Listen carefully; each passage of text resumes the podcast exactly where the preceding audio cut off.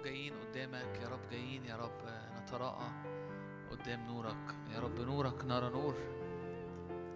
مكتوب كده نور يضيء في الظلمة. يا رب تعالى ونور في كل يا رب حتة مظلمة فيا. تعالى يا رب واطرد بنورك يا رب. كل ظلام كل ضلمة كل مخاوف كل آه، كل ظلال. يا رب تعالى تشرق يا رب شمس البر علينا النهارده. يا رب نتراءى قدامك يا رب. اجتمع اتنين أو تلاتة يا رب في اسمك. انت في الوسط. تعالى واستعلن يا رب وسطينا يا رب عشان يا رب يطير الجراد يا رب. تشرق الشمس فيطير الجراد. هللويا. دينا أوقات يا رب فيها حضرة إلهية وفيها زيت وفيها إعلان للكلمة وفيها وفيها تغييرات فيها شفت يا رب. هللويا.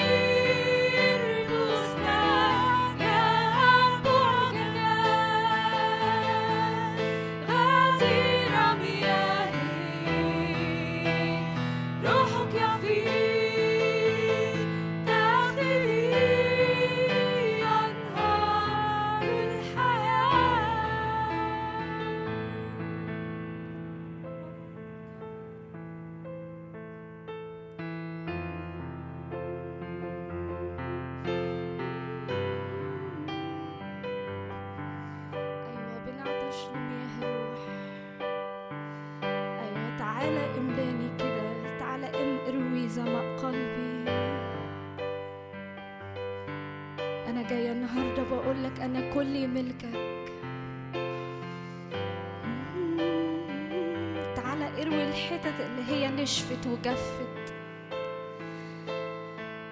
وكل ما بحاول أعدل فيها من نفسي ما بعرفش أعدلها لكن بإيدك أنت دخل إيدك القديرة جواها يا رب. تعالى ارويها ارويها من روحك. يا رب أنا مش عايزة أكمل بالزيت القديم أنا عايزة بقولك أسكب زيت جديد يا رب على على رأسي على جسدي على أشبع إذا استيقظت بشبهك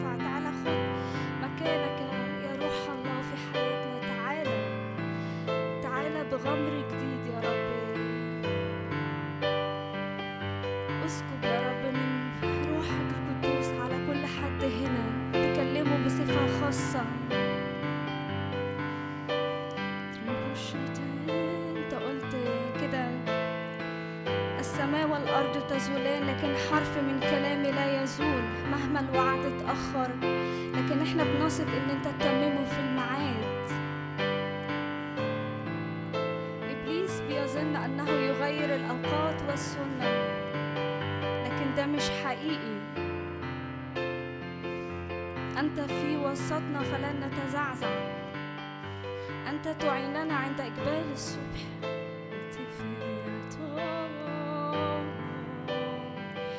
تعالى كده ارفع صلوات خاصة للرب. قول له اللي على قلبك النهاردة. قول أنا خلاص أنا ما عدتش عندي طاقة لكن أنا جاية النهاردة بقولك أسكب عليا طاقة جديدة أقدر أكمل بيها اللي جاي. Sti prepušara fasira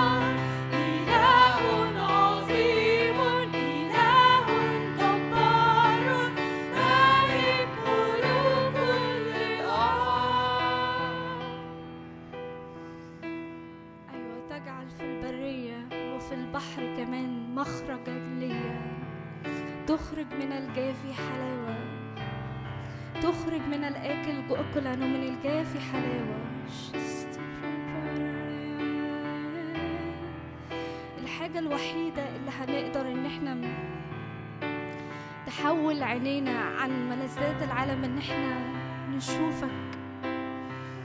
أنت قلت إن ارتفعت أكذب إلي الجميع لأن كل من نظروا إليك استناروا ووجوههم لم تخجل. أيوه يا روح الله تعالى بزيارات خاصة لكل حد فينا هنا. بطريقة ما نتوقعهاش.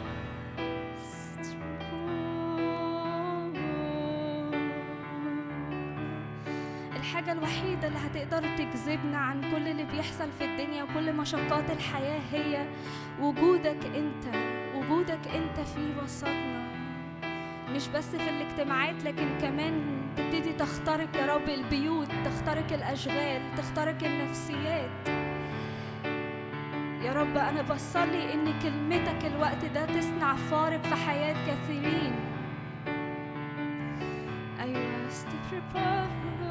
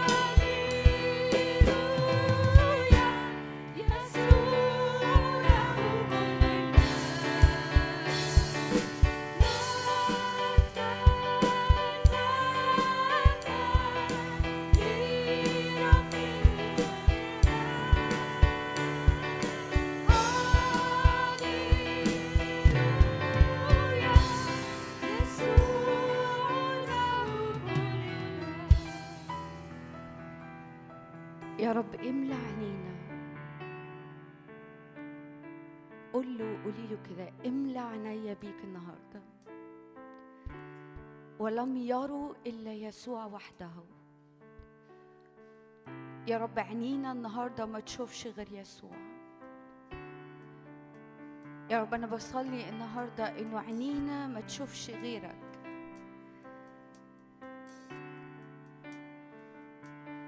يا رب أنا بصلي بصلي النهارده إنه عينينا ما تتمليش بحد تاني غيرك. في اسم يسوع يا رب. كل عينين في وسطينا مليانة بضعفها مليانة بظروفها مليانة بتحدياتها مليانة. يا رب بالنظر على يا رب الوضع اللي هي فيه يا رب النهارده العينين كلها تتحول عليك. يا رب عيوننا النهارده لا ترى لا ترى إلا يسوع وحده. يا رب المشهد يتمل يتملي بيك أنت يتملي بيك أنت. ولم يروا إلا يسوع وحده. ارفع إيدك معايا وارفعي إيدك معايا لو تحب. قول يا رب النهارده عينيا ما تشوفش غيرك عينيا ما تشوفش غيرك. عينيا مش على ضعفي عينيا مش على محدوديتي عينيا مش على ظروفي عينيا مش على التحديات اللي بصارع فيها عينيا مش على أي حاجة. عينيا عليك أنت عينيا عليك أنت. يا يسوع تعالى املى عينينا يا روح الله تعالى مجد مجد مجد يسوع في وسطينا. تعالى مجد يسوع تعالى مجد يسوع تعالى مجد يسوع. ولا نرى إلا الجالس على العرش. ولا نرى إلا الجالس على العرش.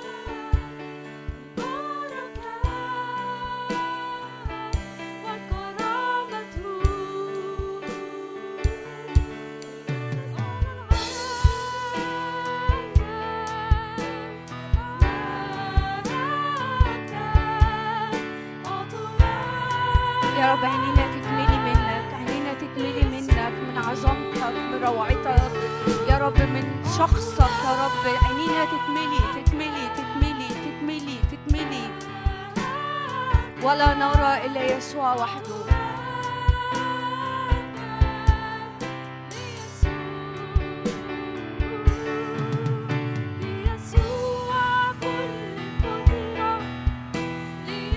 قدم عبادتك ليسوع قدم عبادتك ليسوع. وإنت بتعبد يسوع هو بي بيتجلى قدام عينيك بيصعد أمام عينيك بتتملي بيه عينيك.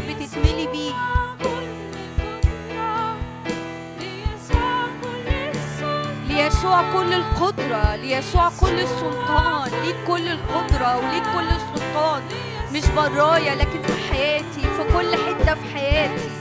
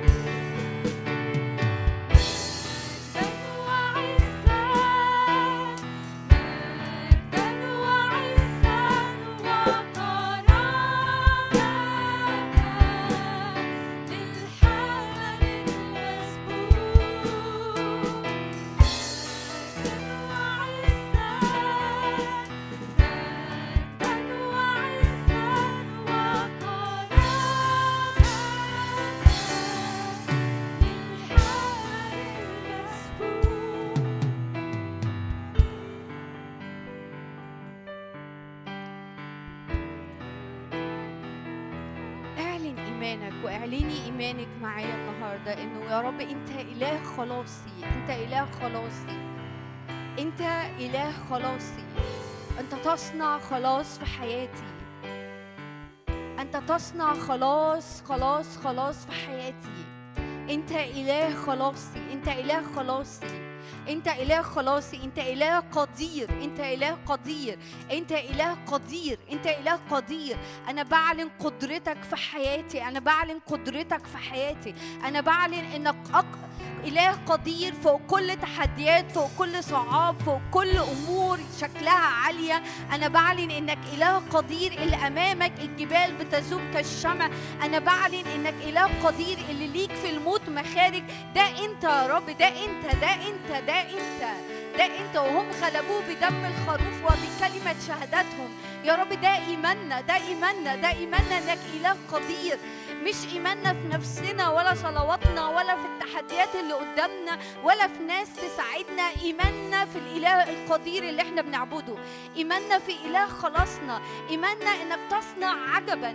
إيماننا إنك تصنع آيات وعجائب. إيماننا إنك توجد لينا في طريق طريق طريق طريق في البحر وسكة ومياه في البرية. ده إيماننا ده إيماننا ده إيماننا. إحنا بنعبد إله حي إحنا بنعبد إله حي. إحنا بنعبد إله قدير جدا قدير جدا قدير جدا. ولا يعثر عليه أمر ولا يعثر عليه أمر. أيوب قال كده هو قد علمت إنك إنك قد علمت إنه لا يعثر عليك أمر. قد علمت إنه لا يعثر عليك أمر. يا رب أنا بصلي النهارده من أجل روح الحكمة والإعلان يتفجر في وسطينا. أنا بصلي من أجل روح الحكمة والإعلان في معرفتك في معرفتك في معرفتك في معرفة مين هو إلهنا في معرفة مين هو إلهنا في معرفة مين الإله اللي إحنا بنعبده وبنتحرك وراه وبنؤمن بيه وبنثق بيه. يا رب أنا بصلي النهارده. فجر فجر فجر فجر ينابيع من المياه الحية في حياة كل حد فينا. فجر روح الحكمة والإعلان علينا. يا رب تعالى تعالى تعالى. يا رب عايزين نعرفك كما أنت. يا رب مش عايزين نشوفك من نظارات أحداث وظروف وتحديات وضعفنا وعدم أمانتنا. إحنا عايزين نشوفك أنت كما أنت كما أنت وجها لوجه وجها لوجه. وجها لوجه وجها لوجه. لأنك مختلف تماما يا رب لما بنراك وجها لوجه. أنت يا رب مختلف تماما مختلف تماما. يا رب عايزين نشوفك على حقيقتك على أنت مين بجد على أنت مين بجد أنت مين بجد. مش هنرسم لك صورة بالظروف والتحديات اللي إحنا واقفين قدامها. مش هنرسم لك صورة بكلامنا وكلام الناس وضعفنا. إحنا عايزين نشوف أنت مين بجد. ونتحرك بإيمان وثقة وراك للآخر وراك للآخر.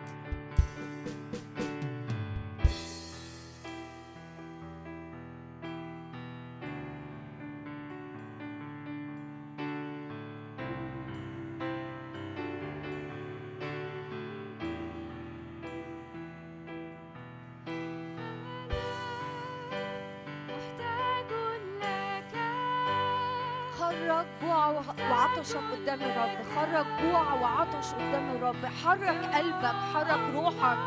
حرك قلبك وحرك روحك. زي عروس نشيد الأنشاد. لما لفت تدور عليه تدور وتطلب من تحبه نفسها. اجري واطلب الرب وامسك في إلهك. إله خلاصك.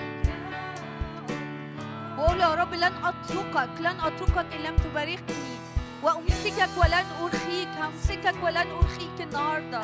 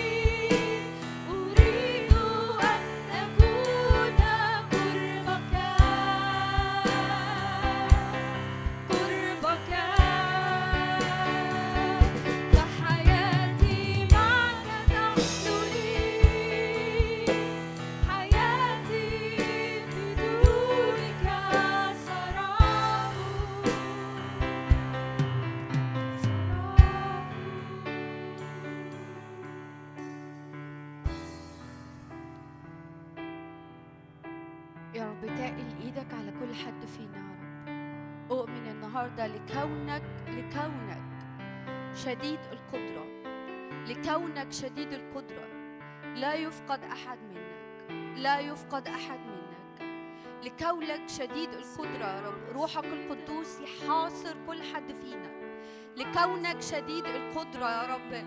بنورك النهارده نرى نور. وفي نور وجه الملك حياة. يا رب النهارده نور يا رب نور نور يا رب نور نور يخلي كل ضلمة تهرب. يا رب حياة يا رب حياة حياة الله يا رب. يا رب تحيي كل حاجة فينا تحيي كل حاجة فينا. في اسم يسوع في اسم يسوع لكونك شديد القدرة لكونك شديد القدرة نؤمن يا رب نؤمن نؤمن.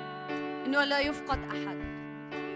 يا رب أشكرك من أجل كل مقابلات إلهية أنت جاي تصنعها النهارده. أشكرك من أجل كل غمامة على العينين يا رب تنقشع أشكرك من أجل كل استنارة في الأذهان. أشكرك من أجل كل يقظة في أرواحنا. أشكرك من أجل كل قوة جديدة يا رب تتفحل حياتنا. أشكرك من أجل روح القيامة اللي يعمل في وسطنا النهارده. أشكرك من أجل روح الحياة يا رب روح الحياة. اللي يحيي يا رب يحيي كل حاجة يا رب. نج- نجح العدو إنه يا رب يزحف عليها بالموت الوقت اللي فات. سواء دعوتنا سواء محبتنا ليك سواء إيماننا وثقتنا في شخصك.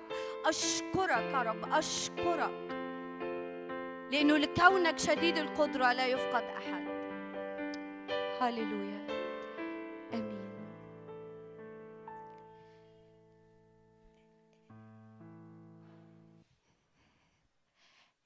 إحنا يمكن الاجتماع النهارده يبقى شكله مختلف شوية فجينا هتساعدني في حتة تانية جاية. لا اقعدي يعني بس.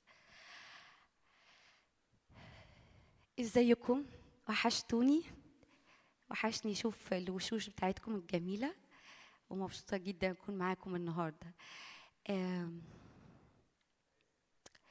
أنا عايزة نقرأ جمل آه، يمكن شكلها أو هي فعلا شكلها متعارف بس أنا عايزة نتنقل ورا اللي جوه قلب الرب. ففي عبرانيين 11 وعدد واحد ال ال الكلمات اللي إحنا عارفينها وبنرددها عبرانيين 11 وواحد بيقولوا أما الإيمان فهو الثقة بما يرجى والإقام بأمور لا ترى. ده ده ده الإيمان. ده الإيمان إني بثق بحاجة أنا مش شايفاها وبثق في حاجة أنا يعني ما ما ما طلعتش لسه. يعني مش مش مش شايفها بعينيا خليني أتكلم معاكم كده ببساطة النهارده. إحنا إحنا بنثق في إيه؟ إيماننا بإيه؟ إيماننا المسيحي بإيه؟ إيماننا بالرب صح ولا أنا ب- بقول حاجة مختلفة؟ صح إيماننا بالرب ثقتنا بالرب. يعني إيه إيماني وثقتي بالرب؟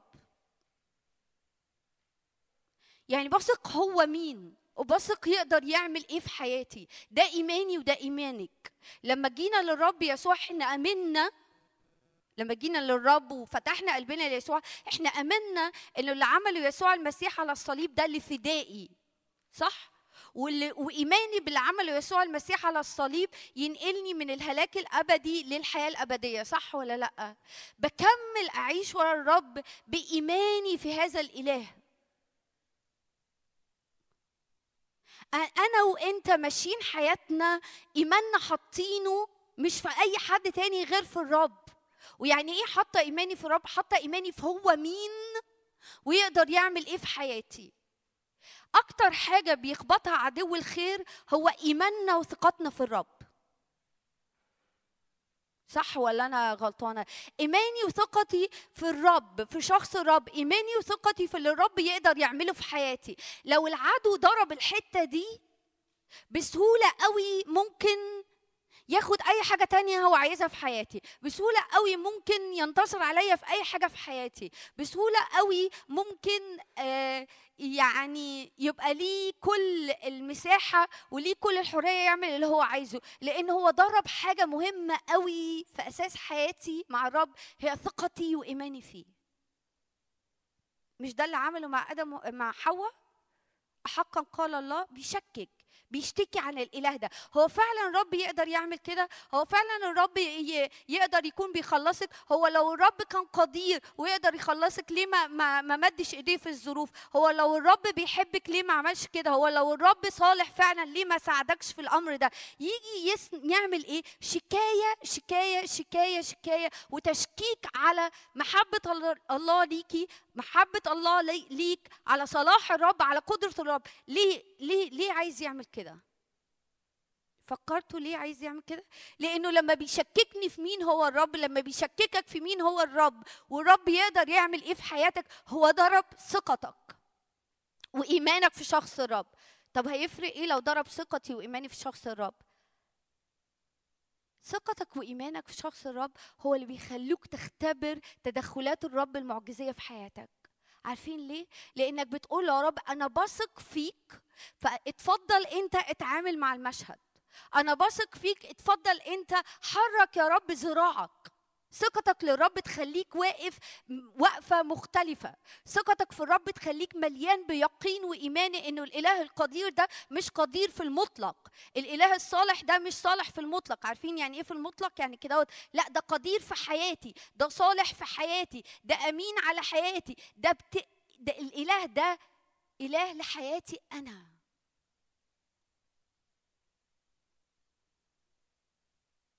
الذي يطلب بدون إيمان. بدون إيمان لا يمكن ارضائه والذي يطلب يجي بإيمان. لكن المتقلقل ما بينالش حاجة. عشان كده اللي أنا عايزة النهارده أفتح عينينا كلنا عليه إحنا عارفينه لكن إحنا النهارده عايزين عيوننا الروحية تتفتح انه يا رب أنت إله قدير في حياتي أنت إله صالح في حياتي أنت مليان محبة ليا أنا ومحبتك تخليك تمد إيديك في حياتي في كل تفاصيل حياتي.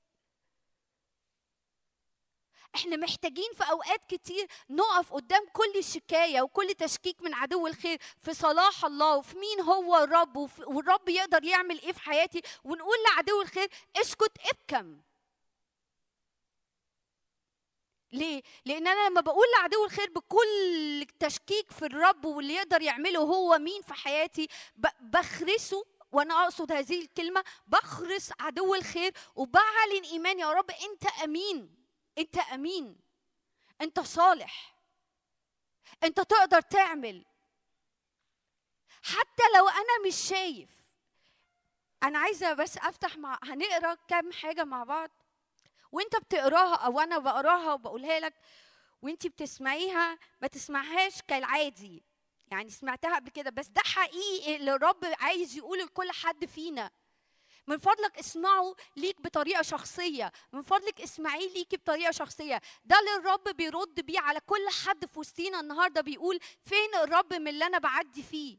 فين الرب من اللي أنا بمر فيه؟ فين الرب من كل تحديات أنا بعدي فيها؟ الرب عايز يرد عليك النهارده بطريقة شخصية وحط اسمك في اشعياء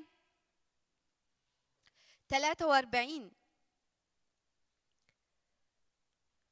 والآن هكذا يقول الرب خالقك وحط ده خالقك وجابلك. الرب بيقول لكل حد فينا النهارده الرب يقول لك يا إسرائيل أو يا فلان لا تخف لإني فديتك. دعوتك باسمك أنت لي. إذا اكتست في المياه في مية أنت هتعدي في مية. يسوع قال إن الطريق قرب قرب يعني مزعج يعني مدغدغ يعني في مطبات يعني في صعوبات يعني في تحديات هو ما ضحكش علينا هو قال الطريق قرب. لكن قال للتلاميذ كمان في متى 28 أنا معكم كل الأيام إلى انقضاء الظهر أنا ماشي معاك. يسوع والرب ما ما مش بيختفي من المشهد في اللي أنت بتعدي فيه أنت محتاج عينيك تتفتح وتشوف إن هو إذا اكتست في المياه فأنا معك هو معاك. هو معاك. ده إدراك. ده إدراك يخلي إيمانك ي- يقفز. ولما إيمانك بيقفز وإيمانك بيعلى وبتصدق في الرب كأنك بتدي الرب صلاحية إنه يمد إيديه ويتدخل في ظروف حياتك. فاهمين أقصد إيه؟ فاهمين أقصد إيه؟ على فكرة الرب عايز يمد إيديه لكل تفاصيل حياتنا. بس إحنا اوقات كتير بنصدق كذب العدو أكتر ما بنصدق الرب. بصدق نفسي وضعفي وظروفي وتحدياتي أكتر ما بصدق مين هو الرب ويقدر يعمل إيه في حياتي. هنا الرب كان بيكلم يعقوب بيقول له إذا اكتست في المياه في مية هتعدي فيها. بس عايزه أقول لك حاجة أنا في المية دي أنا معاك. أنا مش مختفي من المشهد.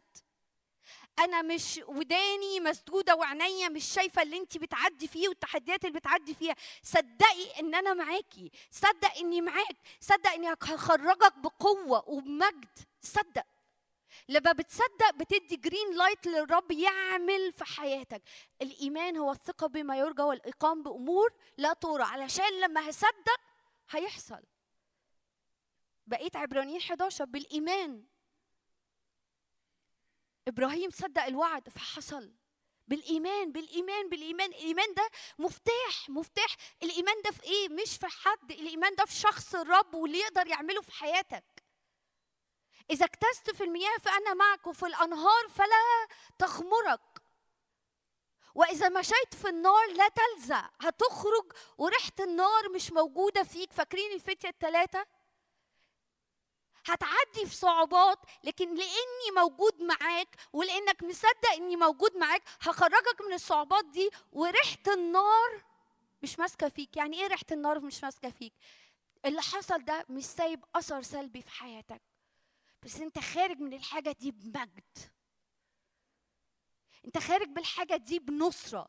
انت خارج من الحاجة دي وانت عارف الرب أكتر ومقرب منه أكتر. وشهادة حية زي يوسف الرب أنساني تعبي ومذلتي في بيت أبي. إذا اكتست في المياه فأنا معك وفي الأنهار فلا تغمرك. إذا مشيت في النار لا تلزع واللهيب لا يحرقك لأني أنا الرب إلهك. قدوس إسرائيل مخلصك آيات عارفينها. بس النهارده الرب عايز ينور الرب عايز يقول لكل حد فينا أنا معاك. ينفع في وسط كل اللي أنت بتعدي فيه واللي أنت بتعدي فيه تقف ببساطة إيمان وتقول كده يا رب أنا مصدق إنك معايا. أنا مصدق إنك معايا. فاكرين داود في مزمور 27 اللي إحنا حافظينه؟ بس عايزة أبص عليه تاني معاكم.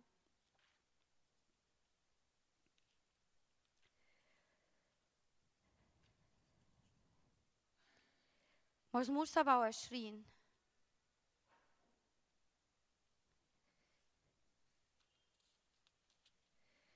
أنا آسفة مزمور 24 لا 27 سبعة مزمور 24 أنا آسفة. 27 ده حاجة تانية.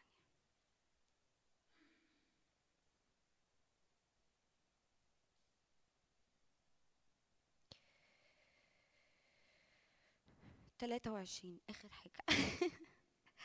الرب راعية فلا يعوزني شيء. لا يعوزني شيء. بصوا يا جماعة إحنا إحنا إحنا في أوقات التدين عارفين التدين؟ يعني بنبقى عارفين الحاجة لكن فاقدين قوتها. التدين بيخلينا الحاجات دي إحنا حافظينها. مزمور 23 ده مزمور الراية إحنا حافظينه. لكن الرب النهارده جاي يقول لكل حد فينا لا أنا عايزه أقول لك إن أنا راعي فلا يعوزك شيء. الرب راعية فلا يعوزني شيء. في مراع خضر يربدني ينفع في وسط اللي أنا فيه ده ياخدني المراعي خضر أيوه. إزاي؟ بإيماني فيه. بإيماني فيه. بإيماني فيه. الرب راعية فلا يعوزني شيء. في مراعي خضر يربدني إلى مياه الراحة يوردني. يرد نفسي هيرد نفسك. هيرد نفسك من كل حتة أنت اتزنقت فيها. يرد نفسي يهديني إلى سبل البر من أجل اسمه. أنا هقف عند حتت معينة. أيوه. أيضا إذا سرت في وادي ظل الموت لا أخاف شرا لأنك أنت معي. على فكرة داود ما كانش بيقول كلمات مزمور عشان إحنا ناخدها بعد كده ونتعلمها في مدارس الأحد أو نرنمها ونعمل لها نعمل لها ترنيمة لأ.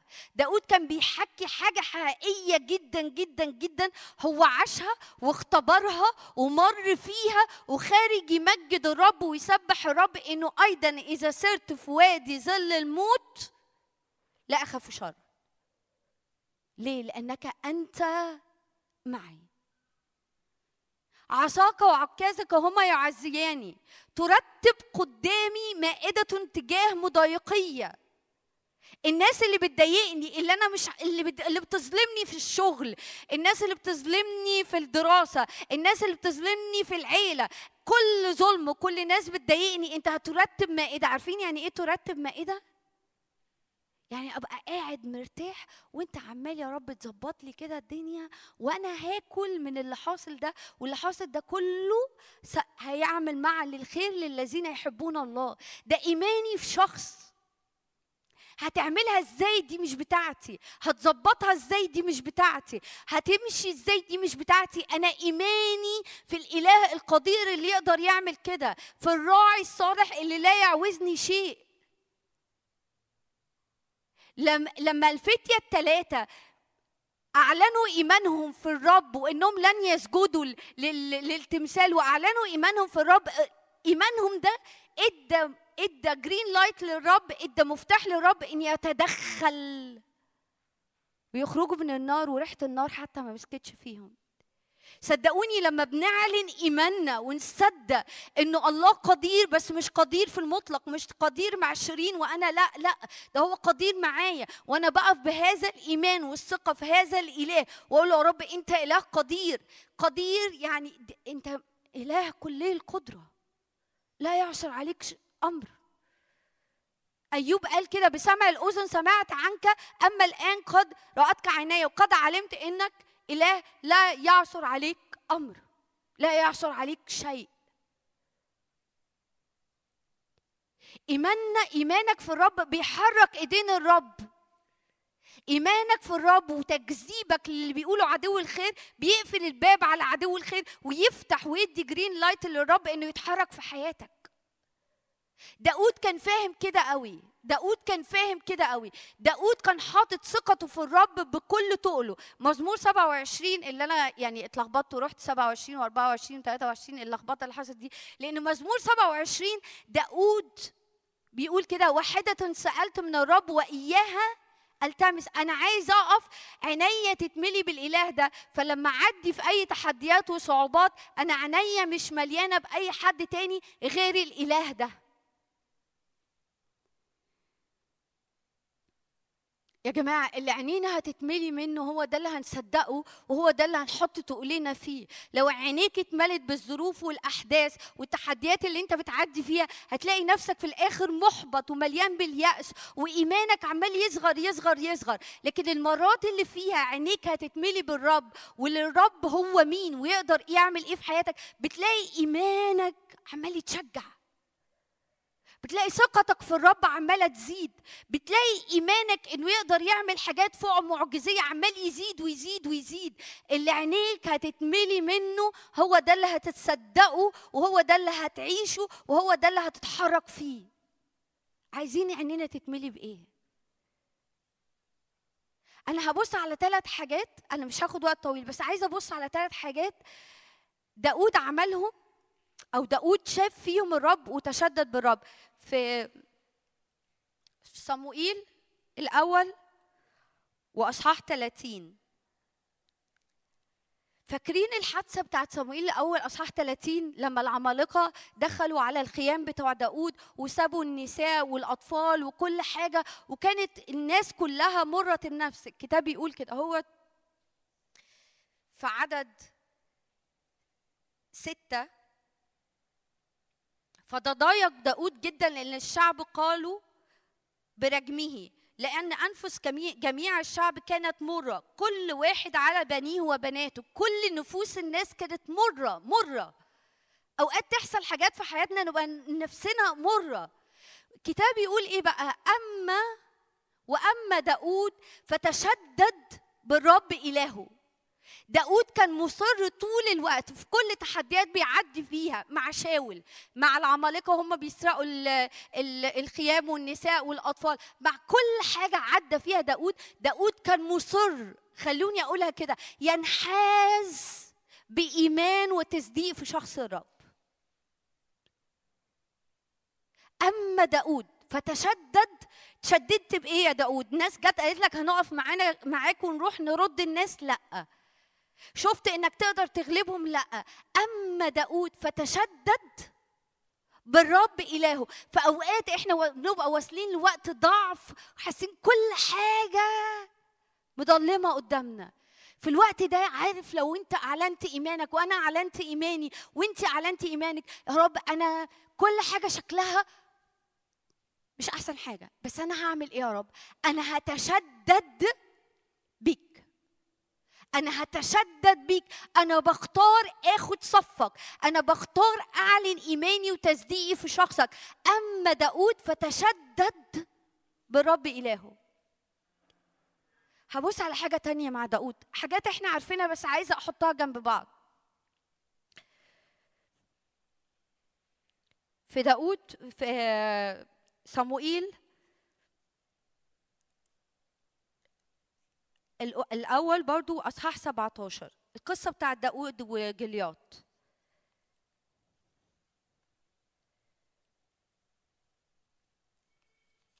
أصحاح 17 بس عايزة أقرأ من عدد 37 الأول. هقرأ شيء وبعدين هنزل بعد كده 45 37 وقال داود هم الناس كانت بتبص على داود انت انت صغير ده جلياط بيطلع والناس ال ال الجنود كل ما بيشوفوا جلياط طالع بيخافوا ويرجعوا. 40 يوم 40 يوم يطلع جلياط يخوفهم يرجعوا يطلعوا جلياط يطلع يخوفهم يرجعوا. هنا داود بيقول وقال داود الرب الذي أنقذني من يد الأسد ومن يد الدب هو ينقذني من يد هذا الفلسطيني. فقال شاول لداود اذهب وليكن الرب معك. وبعدين في عدد 45 فقال داود أنت أنت تأتي إلي بسيف وبرمح وبترس يعني عندك حاجات كتير قوي. أنت جاي لي بعدة كده أنت جاي لي بمعدات. لكن أنا آتي إليك باسم رب الجنود. أنا جاي باسم رب الجنود بس خلوا بالكم داود كان فاهم إن ده مش مجرد اسم. ده مش مجرد اسم. الاسم بتاع الرب يعني هوية الرب يعني مين هو الرب ويقدر يعمل إيه؟ ده هو رب الجنود. أنت جاي لي بسيف ورمح أنت جاي لي طول بعرض. الظروف والأحداث جاية عليا كأنها بتهجم عليا كأنها وحش. لكن أنا واقف قدام ده كله باسم رب الجنود. انت جاي لي بسيف ورمح أما أنا فجاي لك بإيه؟ باسم رب الجنود إله صفوف إسرائيل الذين عيرتهم. هذا اليوم يحبسك الرب في يدي فأقتلك أقطع فأقتلك وأقطع رأسك وأعطي جثث جيش الفلسطين. هذا اليوم لطيور السماء وحيوانات الأرض فتعلم كل الأرض إنه يوجد إله لإسرائيل. في كل مرة بتعدي بتحديات في كل مرة بتعدي في ظروف صعبة في كل مرة بتحس كأنه العدو جاي عليك زي جلياط ضخم جدا والأحداث صعبة. اقف بإيمان وثقة في إلهك. اعلن اعلن. أيوة يا رب أنت رب الجنود. أنا بعلن ثقتي فيك. أنتوا عارفين بعد كده اللي حصل؟ بنبلة داود موت جلياط. حاجة بسيطة جدا. محتاجش يعمل مجهود. محتاجش يعمل مجهود. لأنه الحقيقي اللي قتل جلياط مش مش داود اللي قتل جلياط الرب اللي طلع قدام داود طلع الرب وطلعي الرب قدامك بإيمان وثقة في مين هو ويقدر يعمل إيه في حياتك. إحنا محتاجين إحنا بصوا يا جماعة إحنا أوقات كتير بندخل التحديات وكأنه فاكرين إن إحنا هنعرف نعملها يمكن هنعرف نعملها بصلواتنا يمكن هنعرف نعملها ب... ب... بوقفتنا. لا لا لا هي ما بتتعملش غير بثقتنا وإعلان إيماننا في مين هو إلهنا وهو الكتاب بيقول في رؤية 12 إنه هم غلبوه بدم الخروف وبكلمة شهادتهم يعني إيه كلمة شهادتهم كلمة إعلانهم مين هو الرب كلمة تصديقهم في كلمة الرب. دي كلمة شهادتهم إحنا مصدقين إنك تقدر تعمل إيه؟ إحنا مصدقين تقدر تتدخل إزاي؟ إحنا مصدقين تقدر تحول المشهد اللي شكله كأنه.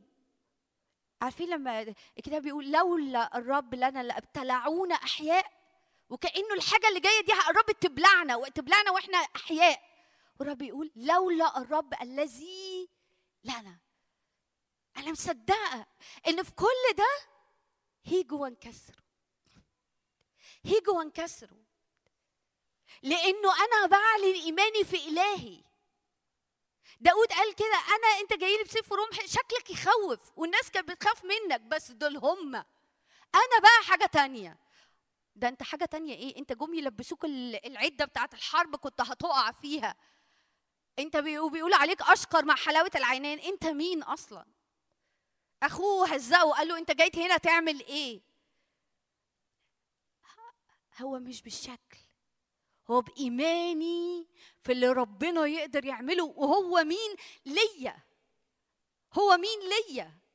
عارفين عارفين عارفين صدقوني عن عن اختبار بحكي لكم. لو في وسط كل حاجة هايجة وقفتي ورددتي اشعياء اللي كنا بنقراه يا رب إذا اكتست في المياه. أنا في وقت كده عديت بظروف صعبة لمدة أربع شهور كنت راشقة في اشعياء ده. عماله اردد فيه. يا رب أنا أنا بكتاز في المياه بس أنت معايا. أنا ماشية في النار فلا تلزعني ولا هيب لا يحرقني. أنا مصدقة أخرج من الوقت ده بمجد. أنا مش مصدقة في نفسي ولا في أمانتي ولا اللي هعرف أصليه. أنا مصدقة أنت مين وماشي معايا إزاي السكة. ولأنك أنت موجود في المشهد ولأنك أنت موجود في السفينة سفينتي مش هتغرق. لغاية لما آجي أقابلك في السماء ده إيماني. ده إيماني. فاهمين أقصد إيه؟ أول حاجة داود كان في وسط الضعف بيتشدد بالرب. قدام التحديات الصعبة كان بيقف ويعلن إيمانه إنه اسم رب الجنود هو اللي هينتصر. عايزة أف... عايزة أبص معاكم بس على أمثال 18 وعدد 10 وبعدين هشارككم باسمين مشغولة قوي بيهم للرب نحارب ونقف بيهم الأيام اللي جاية. أوكي؟ أمثال 18 10 بحب قوي الكلام ده. اسم الرب برج حصين يجري إليه الصديق ويتمنى. الكتاب فعلا حقيقي قوي. اسم الرب برج حصين. ينفع أجري ليه؟ وأتمنى. عارفين يعني إيه أتمنى؟ أختبئ. يعني إيه؟ يعني في وسط ما الدنيا هايجة يا رب أنت إله قدير. اسمك إله قدير.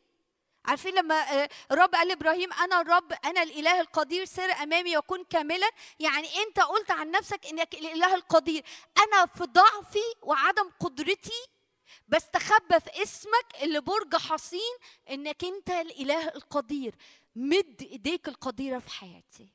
حرك ذراعك يا رب. في ناس جوايا في وقت الصلاة محتاجة تقول للرب كده حرك ذراعك القديره على حياتي. حرك ذراعك القديرة على ظروفي. حرك ذراعك القديرة على بيتي. حرك ذراعك القديرة على شغلي. حرك ذراعك القديرة على علاقات في حياتي شكلها انكسرت وشكلها تعبانة. حرك ذراعك القديرة اللي تقوم العلاقات دي تاني. اسم الرب برج حسين اجري لاسم الرب وتحصن اجري لاسم الرب وتحصني اسمك برج حصين. اسمك برج حصين.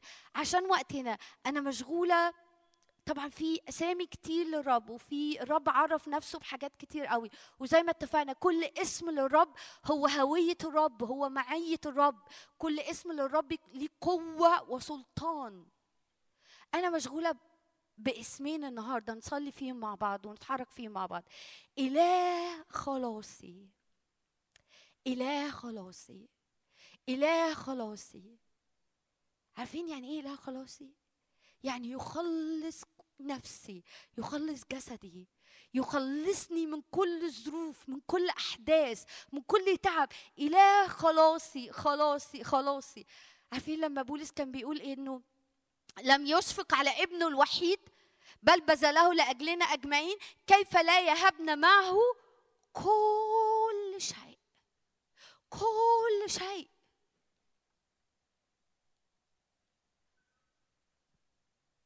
أنا مشغولة الأيام دي وفي حتت كتير بتحرك فيها وعظ إنه الحتة بتاعت هوشع هلك شعبي من عدم المعرفة.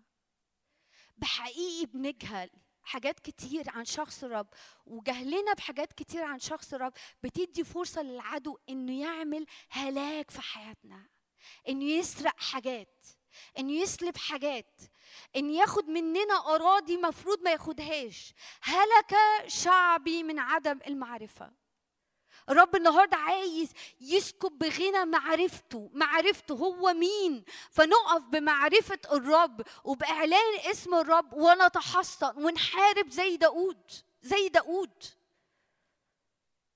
أوقات هتحتاج تقف قدام حاجات وتقول أنا جاي لك النهارده وبعلن إنك إله أنا جاي للعدو الخير قدام كل التحديات وبعلن إن الله إله خلاصي يخلصني من هذه جميعها. عارفة الكتاب لما يقول في هذه جميعها جميعها. يعظم انتصاري بالذي حبني. في كل اللي أنا بعدي فيه. والعدو عايز يكسرني والعدو عايز يكمل يكذب عليا والعدو عايز يكمل يسرقني. أنا هقف واعلن إيماني إنك إله خلاصي تخلص نفسي. عايزة أبص معاكم على كام شاهد في حتة إله خلاصي.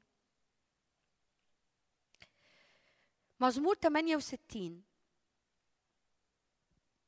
وعدد 19 و20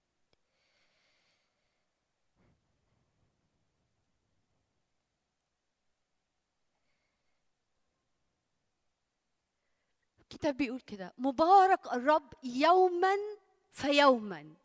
يحملنا يحملنا. يحملنا إله خلاصنا. يحملك. انت لو صدقت إن هو إله خلاصة ووقفت بالإعلان ده وبالاسم ده انت إله خلاصي. إله خلاصي هتحملني. هترفعني. مش هتسيب رجليا تخبط في حاجة. مش هتسيب نفسي تنهار. مش هتسيبني أنهار تحت اللي بعدي فيه. انت هتحملني هترفعني لأنك إله خلاصي. الله لنا إله خلاص وعند الرب السيد للموت مخارج. أنا مش شايفة أي حاجة. بتعدي في ظروف حاسس إنه مفيش مخرج. اتقفلت. إيه رأيك تقف وتقفي معايا وإحنا بنصلي ونقول يا رب قدام اللي حاصل ده أنا بعلن إنك إله خلاصي وليك في الموت مخارج فاكرين لما لعازر مات؟ فاكرين؟ مرسى قعدت تعاتبه ومريم تعاتبه وأنت لو كنت هنا لم يمت أخي. وإحنا بنعمل كده كتير وأنا بعمل أوقات كده كتير بس بتعلم الأيام دي إنه لأ أنا مش هعمل كده. أنا هقف بإيمان. إعلان إيمان إنه أنت إله خلاصي فليك في الموت مخارج. الموت بتاع العازر مرسى قالت له يعني لما قال لهم دحرجوا الحجر يا سيد قد أنتن. انت أنا بس عايزة أقول لك حاجة معلومة صغيرة جدا إنه بقاله أربع أيام وخلاص. قال لها إيه؟ إن آمنتي ترين مجد الله. هتأمن بإيه؟ هتأمن إن هو يقدر يصنع حياة. هتأمن إن هو يقدر يقوم لعازة إن امنتي باللي أنا أقدر أعمله ترين مجد الله. في كل حاجة إحنا بنعدي فيها أنا بتكلم يعني عملي جدا. في كل حاجة في كل الظروف في كل موقف. اختار اختار واختاري تبقى عامل زي داود وعاملة زي داود هو أنا بختار أعلن إيماني في شخصك. أنا بختار أعلن إيماني إنك إله خلاصي تخلص نفسي تخلصني. أنت تحملني ليك في الموت مخارج. تحلها. أوقات نقول إيه ربنا يسهل يعني ربنا بقى يحلها من عنده. بس بنبقى كده إيه يعني يأس. إحباط يعني مش إيمان. هو يعني ربنا بقى يحلها ربنا يستر ربنا يدبر. دي لغة يأس وإحباط. دي ولا دي ال- اليد الرخوة لا تمسك صيدا. دي بدون إيمان لا يمكن ارضائه دي بنطلب متقلقلين في طرقنا. يعني إن شاء الله يعني هي- هيعمل مش هيعمل. لا مش دي الثقة والإيمان. أنا عندي إيمان إنك إله خلاصي. أنا عندي إيمان إنك لم تشفق على ابنك وحيدك فأنت هتهبني معه كل شيء. أنا عندي إيمان إنك تحملني وليك في الموت مخارج وأخرج وأشهد عن إيديك اللي صنعت وعدتني من النار. عايزة أقول لكم حاجة عايزة أقول لكم حاجة مهمة قوي. الرب بيحب يمد ايديه في حياة كل حد فينا. الرب عايز يمد ايديه في حياة كل حد فينا. الرب عايز في كل حاجة انت بتعدي فيها يقول لك أنا موجود وهعديك بس صدق فيا. بس صدق فيا. بس صدق إني هعمل كده. بس صدق إني إله. خلاصك الشاهد اللي بعديها عشان وقتنا. في أشعياء 12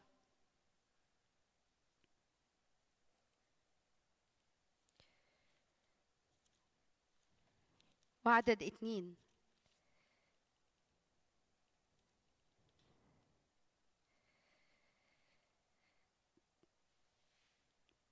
هوذا الله خلاصي فاطمئن ولا أرتعب. أنا مطمن. هو إله خلاصي. أنا مطمن. أوقات كتير بلاقي ناس في وسط تحديات صعبة قوي ومطمنين مش بيتصنعوا إنهم مطمنين. مش فت يعني مش واخداهم ولا سرقاهم السكينة لا. مطمنين بجد. مطمنين في شخص الله. مطمنين في معية الإله ده اللي ليه في الموت مخارج. مطمنين في معية الإله ده اللي يحملهم ويعبر بيهم الوقت ده اللي يجتازوا في المياه فلا تغمرهم. والنار لا يلزع واللهيب لا يحرقهم. هم مطمنين مطمنين. العدو أكتر حاجة يقعد يضرب فيها هي ثقتك وإيمانك في الرب. لأنه وقت ما يضرب الحاجة دي أنا عماله بعيد وأزيد وقت ما يضرب الحاجة دي هو بيضرب أساس علاقتك بالرب. هو عارف إن ثقتك وإيمانك في الرب سلاح قوي جدا جدا جدا. عارفين ترس الإيمان؟ عارفين سلاح الله الكامل؟ ترس الإيمان. عارفين إيه ترس الإيمان؟ عارفين إيه الترس الحاجة المدورة كده هوت اللي بيمسكوها عشان يعملوا إيه؟ ليطفئوا بيها كل سهام الشرير الملتهبه إيه سهام الشرير الملتهبة؟ افكاره شكايته على الرب. هو الرب يقدر يعمل حاجة؟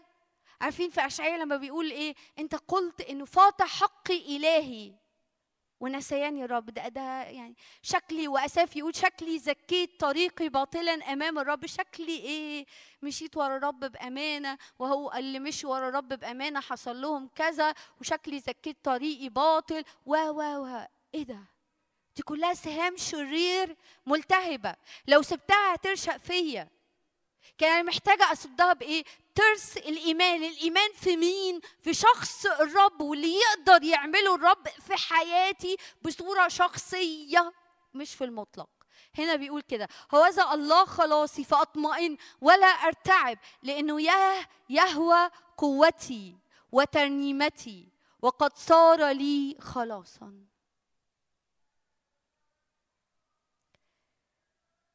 أنا بثق في إله خلاصي. ده الاسم اللي محتاج تقف بيه الوقت الجاي. في كل حاجة أنت بتعدي فيها. أنا بعلن إيماني في إله خلاصي. أنا بعلن إيماني إنه يخلصني. أنا بعلن إيماني إنه ليه في الموت مخارج. أنا بعلن إيماني إنه يصنع خلاص. هقول لكم على حاجة وخلاص عظيم جدا. مش بيعمل خلاص وكده بيعمل خلاص عظيم جدا. خلاص يشهد بيه عن نفسه وعن أمانته في حياتك وفي حياتك. آخر حاجة في الحتة دي يعني حبقوق. ثلاثة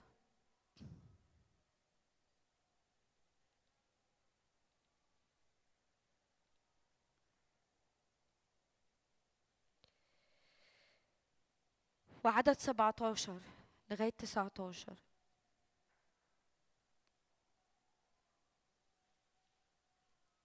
فمع إنه لا يظهر لا يظهر التين ولا يكون حمل في الكروم يجذب عمل الزيتونة والحقول لا تصنع طعاما. يعني مفيش حاجة شكلها بتقول في في حاجة بتحصل. مفيش أي حاجة. والحقول لا تصنع طعاما. ينقطع الغنم من الحظيرة ولا بقر في المزو في المزود. فإني أبتهج بالرب وأفرح بإله خلاصي. بص الرب السيد قوتي ويجعل قدمي كالايائل ويمشيني على مرتفعاتي. مفيش أي حاجة باينة مفيش أي حاجة بتقول إنه حاجة بتحصل. في ترنيمة كده كان بالإنجلش بعدين ترجموها عربي كذا ترجمة إنه رغم إنه أنا ممكن ما أكونش شايف أي حاجة بتحصل لكن أنت إيه لسه بتعمل لسه بتتحرك حتى لو أنا مش شايف. مع إنه مفيش حاجة حاصلة. لكن أنا هفرح بيك وأنت هتديني أقدام الايائل اللي أمشي بيها على مرتفعاتي. يعني إيه المرتفعات هنا؟ مرتفعاتي يعني تحدياتي يعني ظروفي يعني أفكاري السلبية اللي بتحاول تجيبني لأ يا رب أنا أنا هت... هتحصن بيك وهعلن إيماني في شخصك إنك إله خلاصي اللي تصنع خلاص في حياتي. أنت تصنع خلاص في حياتي. فلأني واثق فيك وعندي إيمان إنك إله خلاصي وتصنع خلاص عظيم في حياتي أنت هتديني أمشي فوق كل حاجة عالية في حياتي. أنتوا مش متخيلين إيماننا في شخص الرب بيحول الأحداث إزاي؟ بيحول الأحداث 180 درجة. انت ايمانك في شخص الرب كأنك بتسحب السلطة من عدو الخير اللي كنت مصدق فيه وصدق في كذبه تقول له لا لا لا أنا مش هحط إيديا في إيديك. أنا مش ه... أنا مش هعوم على عوم كذبك. عارفين ال... مش هعوم على عومك. أنت بتكذب. لكن أنا هحط إيديا وهعلن إيماني وهرفع إيماني في شخص الرب اللي هو إله خلاصي.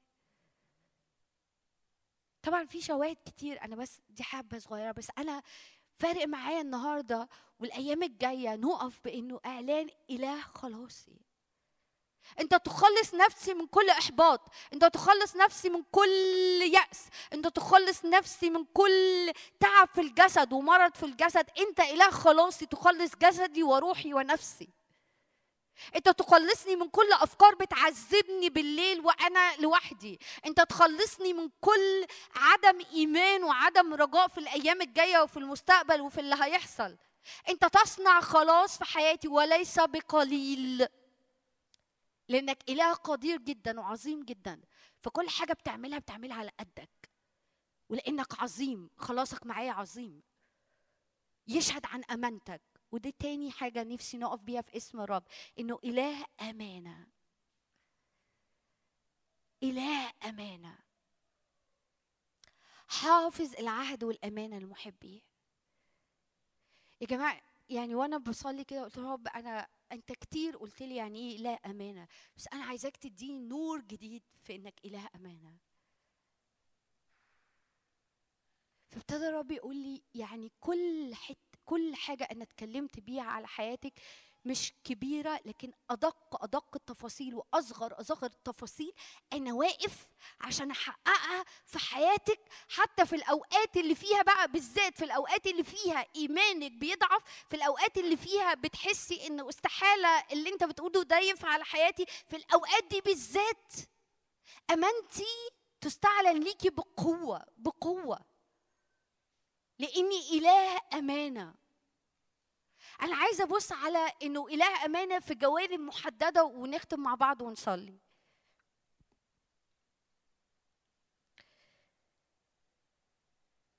ممكن نطلع أخبار الأيام الثانية وأصحاح ستة وعدد 14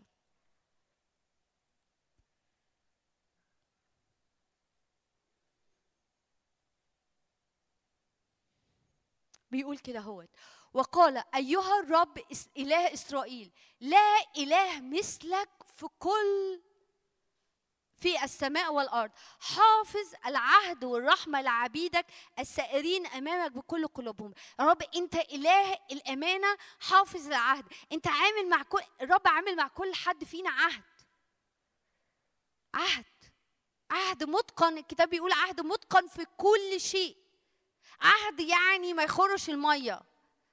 عهد فيه هو بيعلن أمانته وصلاحه وقدرته ومحبته هو إله أمانة إله أمانة لا جور فيه.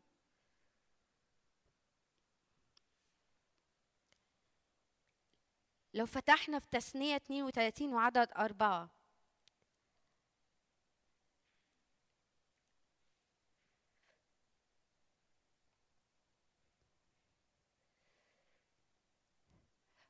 هو الصخر الكامل صنيعه إن جميع سبله عدل إله أمانة لا جور فيه لا جور فيه يعني لا شك فيه. يعني كل مرة تبص على الرب وتعلق أنت إله أمانة أنت إله أمين جدا جدا على حياتي. انت إله أمين جدا جدا على كل تفاصيل حياتي. انت إله أمين جدا جدا على كل مواعيد ووعود اديتها لي. انت إله أمين جدا جدا على كل دعوة دعيت بيها حياتي إنك تعملها في حياتي.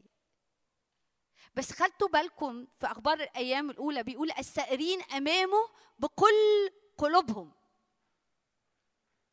يا رب أنا ماشية قدامك بكل قلبي ومصدقه لأن كل قلبي أنا ماشية بيه وراك.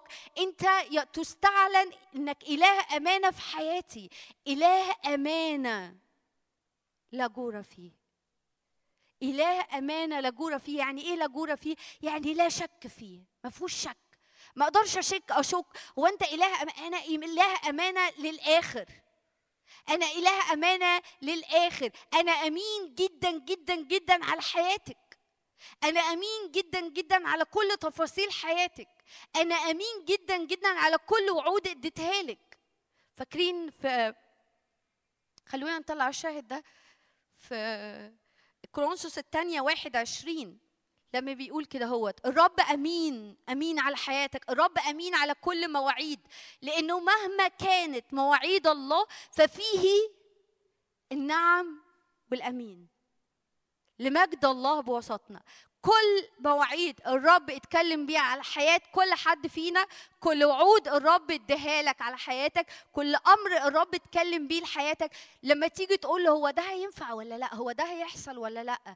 هو المواعيد دي انت هتعملها ولا لأ؟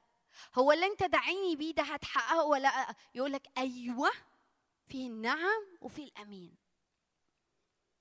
أنا إله أمانة لا أغير ما قد خرج من شفتي. أنا ما اضطريتش ان أوعدك لكن أنا وعدتك عشان هعمل اللي أنا وعدتك بيه. إزاي؟ فين؟ مش بتاعتك. عارفين مشكلتنا إيه؟ لما الرب بيدينا مواعيد لما الرب بيدينا حاجات ونقف نقول نحسبها على قدنا أو على الظروف اللي حوالينا أو أو أو أو نحس إنه إيه؟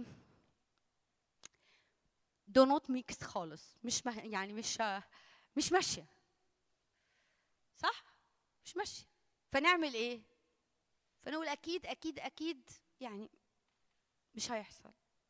أو يعني يعني هتحصل إزاي؟ أقول لكم على حاجة. هو بيوعدنا على قده هو.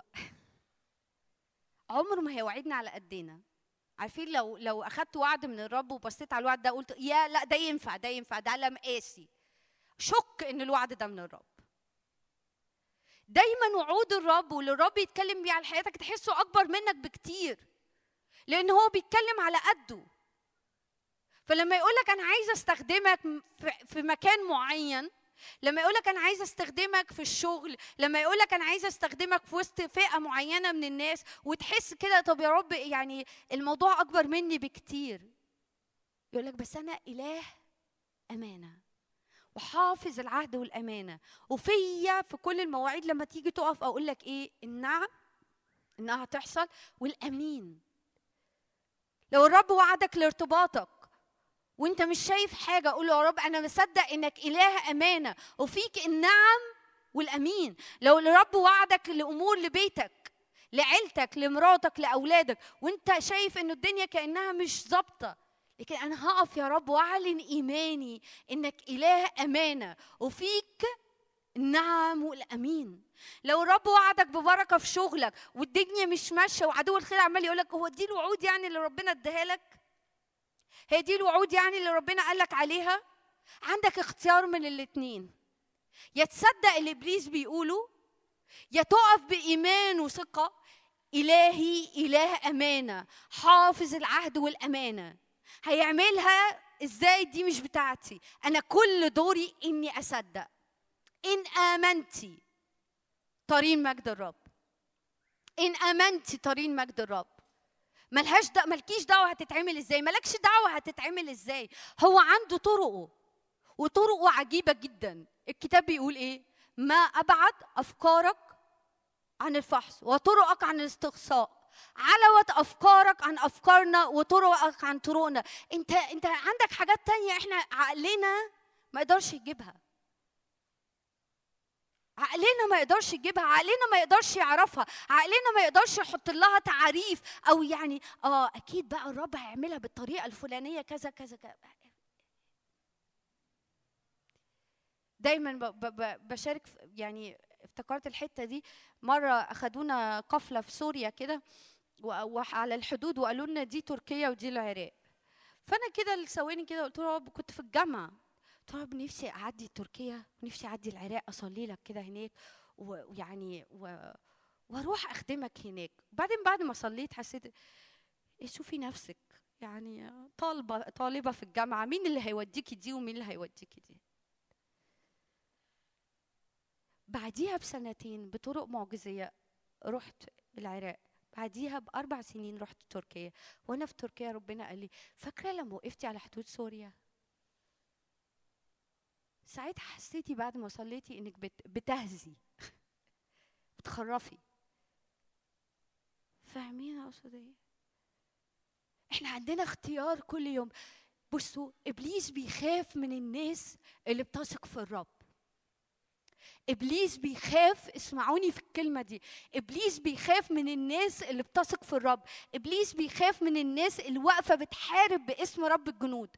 جلياط ما كانش عنده مشكلة يطلع 40 يوم قدام جبابرة في الجيش بتاع شاول. لما طلع له داود كانت هي طالعة واحدة. بس هو طلع له واحد عارف الرب وطلع له واحد بيثق في الرب.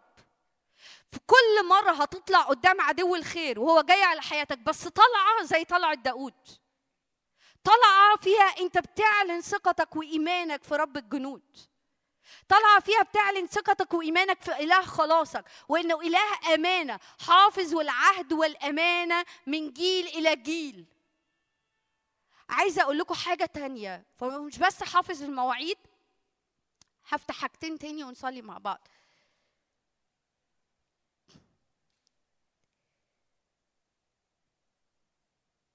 في أشعية 49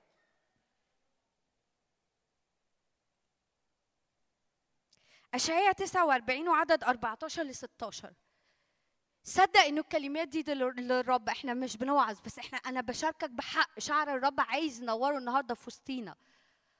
وقالت صهيون قد تركني الرب. وسيدي إيه؟ نسياني. أوقات كتير بنقول كده. يعني هو فين الرب؟ لو الرب موجود ما كانش حصل كده. شكل الرب نسيني. شكل الرب آه، يعني رفع إيديه من عليا. عايزة بس أقول حاجة في الحتة دي. أوقات كتير بتيجي ناس تقول لي أصل بصي يعني لو الرب سابني أنا أستاهل. لا هو الرب مش هيسيبك. يعني option ان الرب يسيبك option ان الرب يختفي في المشهد مش هيحصل. بس أنت إيمانك اللي بيوسع مكان وطاعتك السائرين بقلوبهم أمامه طاعتك وإيمانك في الرب هم اللي بيوسعوا المكان إن الرب يمد إيديه ويستعلن في تفاصيل حياتك. فإنه أب يعني عارفين option يعني فكرة إنه رب يمشي لأ هو موجود. بس هو مستنيك. الابن الضال هو اللي مشي. الاب فضل في مكانه. الرب موجود في كل تفاصيل حياتك. مستني إنه عينيك تتفتح عليه. مستني إيمانك في اللي هو يقدر يعمله في حياتك. فهنا بيقول هل ممكن نطلع اللي قبليها بعد اذنك يا نبي ق- وقالت صهيون قد تركني الرب وسيدي نسياني. فهنا الرب بيرد إيه؟ هل تنسى المرأة رضيعها فلا ترحم ابن بطنها حتى هؤلاء ينسين. وارد. وارد إن دول ينسوا. بس عايزة أقول لك حاجة حتى لو دول نسيوا أنا لا إنساكي. هوزع على كفي نقشتك أسوارك أمامي كل حين. رب عايز يقول لكل حد فينا النهارده ويقول لي ويقول لكل حد حياتك قدامي طول الوقت. مفيش تفاصيل في حياتك مختفية مفيش تفاصيل في حياتك مختفية مفيش حتة في أعمق أعمق أعمق حتة في نفسيتك ولا في صراع في ذهنك مختفي عن الرب. طب هو الرب بيقول أسوارك أمامي كل حين وخلصت؟ لأ. عشان يعلن إنه إله أمانة وإله الأمانة ده بيعمل إيه؟ بيتدخل بيتدخل. أنت مش منسي من الرب أنت مش مختفي من الرب. انت الرب يعني كأنه كده انت أنا محتاجة ارفع ايدي عشان الرب يشوفني. لا. أسوارك أمامي دائما. بعد كده بقيت ال... يعني بقيت الشاهد بس أنا كنت عايزة أقف عند حتة أسوارك أمامي دائما. في حاجة كمان عايزة أفتحها. في تكوين 28 15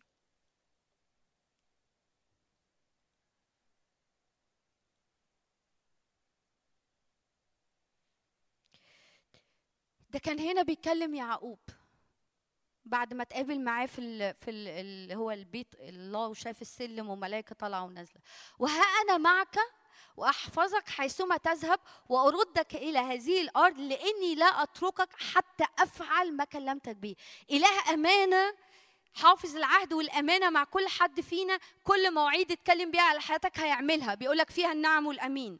بيقولك إنه حياتك قدامه طول الوقت. أنت مش مختفي. مفيش حاجة مختفية. اللي بيزعجوك هم شايف هو شايفهم. وهيرتب مائدة تجاه مضايقيك.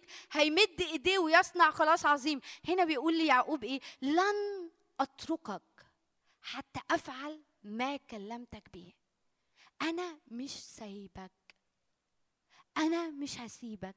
اتكلمت بإيه لحياتك؟ أنا هعمله. لن أتركك حتى أفعل ما كلمتك به. لأن فيا النعم والأمين.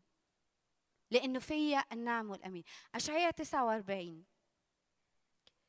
بحبها قوي اشعياء 49 بحس بكلمات خاصة بتخرج من الرب ليا فيها.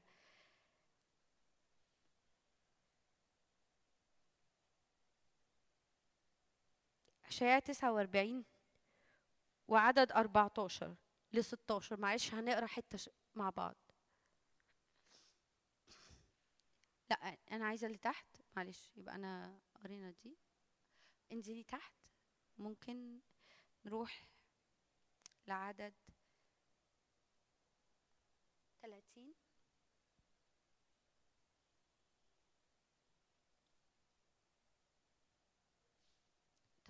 هطلعها غالبا كاتباها غلط. طيب.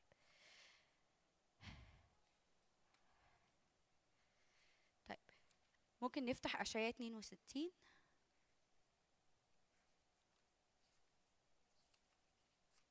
وعدد واحد. أشعياء 62 واحد. من أجل صهيون لا أسكت ومن أجل أورشليم لا أهدأ. من أجلك لا أسكت ومن أجل أورشليم لا اهدأ حتى إيه يا رب؟ حتى يخرج برها كضياء وخلاصها كمصباح يتقد أنا من أجلك الرب بيقول لكل حد فينا أنا من أجلك أنا من أجلك لن أهدأ ولن أسكت. حتى تعمل إيه؟ حتى أتمم كل اللي اتكلمت بيه على حياتك. حتى أخرج برك كضياء وخلاصك كمصباح يتقد أنا مصر على كل حاجة في حياتك. أنا مصر عليك أنا بغير عليك. أنا من أجلك لا أهدى ولا أسكت. حتى أتمم كل ما اتكلمت بيه. ده إلهنا. ده إلهنا. ده ده الإيمان اللي محتاجين نتحرك بيه الأيام اللي جاية. قصاد كل تحديات العدو بيحطها. قصاد كل أصوات العدو بيقولها. قصاد كل تشكيك في صلاح وأمانة الرب. محتاجين نقف الأيام الجاية. إنه إله خلصنا. وإنه إله أمانة. حافظ العهد. انت عامل عهد معانا. مش هتكسر العهد. عارفين العهد في العهد القديم العهد في العهد القديم حاجة كبيرة قوي. حاجة كبيرة قوي. وليه طقوسه وليه تفاصيله. الرب حافظ العهد والأمانة. بولس يقول حتى لو إحنا غير أمنا يبقى هو أمين.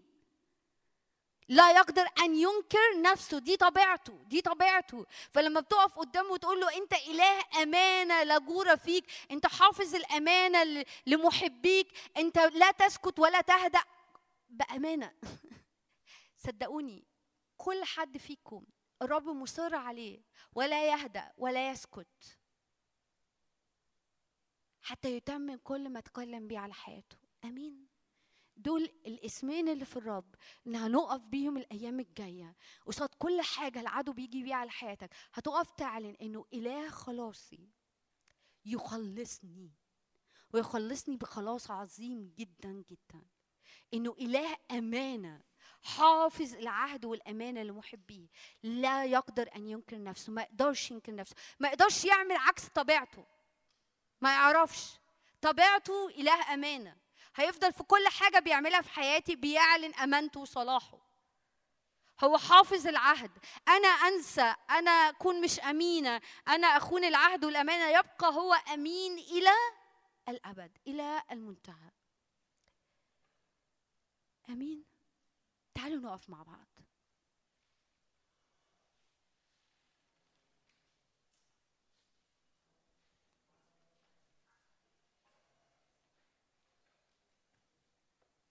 هنعمل إيه؟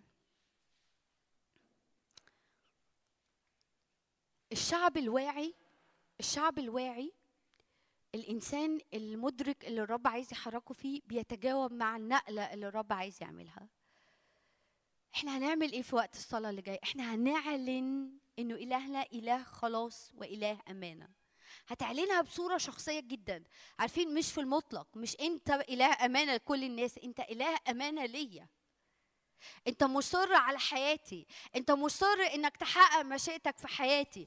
أنت مصر إنه لا تهدأ ولا تسكت حتى تحقق مشيئتك في حياتي. أنا بعلن إيماني فيك.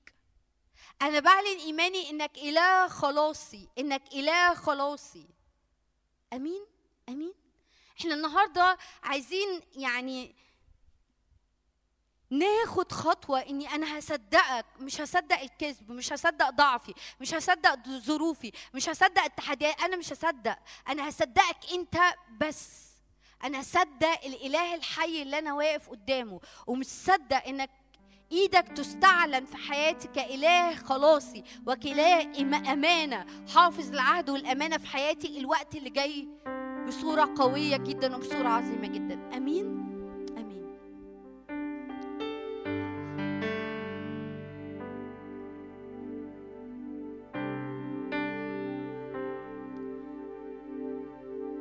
يا رب أشكرك أشكرك أشكرك.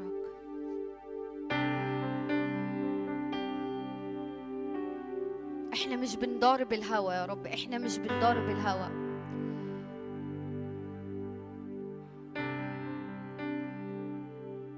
لكن إحنا يا رب مصدقين مصدقين في الإله اللي إحنا بنعبده.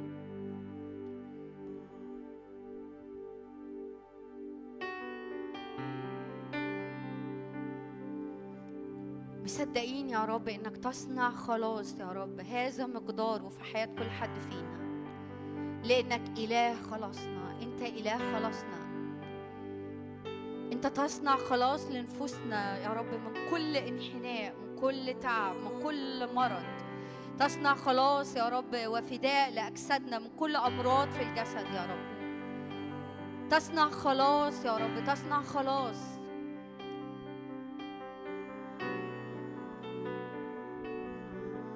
وتصنع يا رب تصنع تصنع يا رب بقوة عظيمة بقوة عظيمة بقوة عظيمة وبصراع قديرة. نقف وننظر خلاصك يا رب زي ما قلت كده قفوا وانظروا خلاص الرب. نقف وننظر خلاص خلاصك نقف وننظر ذراعك الممدودة يا رب على كل هيجان للعدو. يا رب على كل عجرفة للعدو. يا رب على كل شكاية للعدو على كل تعيير للعدو. نقف وننظر خلاصك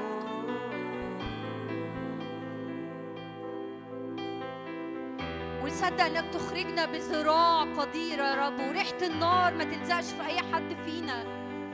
واللي قصدوا العدو الخزينة يكون للمجد وللشهادة عنك.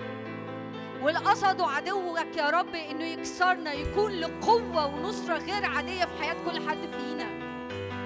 لأنه أنت إلهنا لأنه أنت إلهنا لأنه أنت إله خلاصنا. يا رب كل ودان سلمناها للعدو الوقت اللي فات عشان يشتكي عنك النهارده يا رب بنقول للعدو اخرس ابكم كل تعيير للعدو عليك كل شكاية للعدو عليك جوانا بظروف وبأحداث وبضعفنا وبعدم أمانتنا النهارده نقول لعدوك يا رب اسكت ابكم بنختار نصدق فيك انت إله خلاصنا انت تخلصنا تخلصنا تخلصنا. تخرج من الشبكة رجلينا تخرج من الشبكة رجلينا. تخلصنا من كل أسر من كل ضعف يا رب. تخلصنا تخلصنا تخلصنا من كل حتة اتزنقنا فيها ونفسياتنا اتزنقت فيها وأذهاننا اتزنقت فيها ومشاعرنا اتزنقت فيها. يا رب تصنع خلاص تصنع خلاص تصنع خلاص يا رب تصنع خلاص.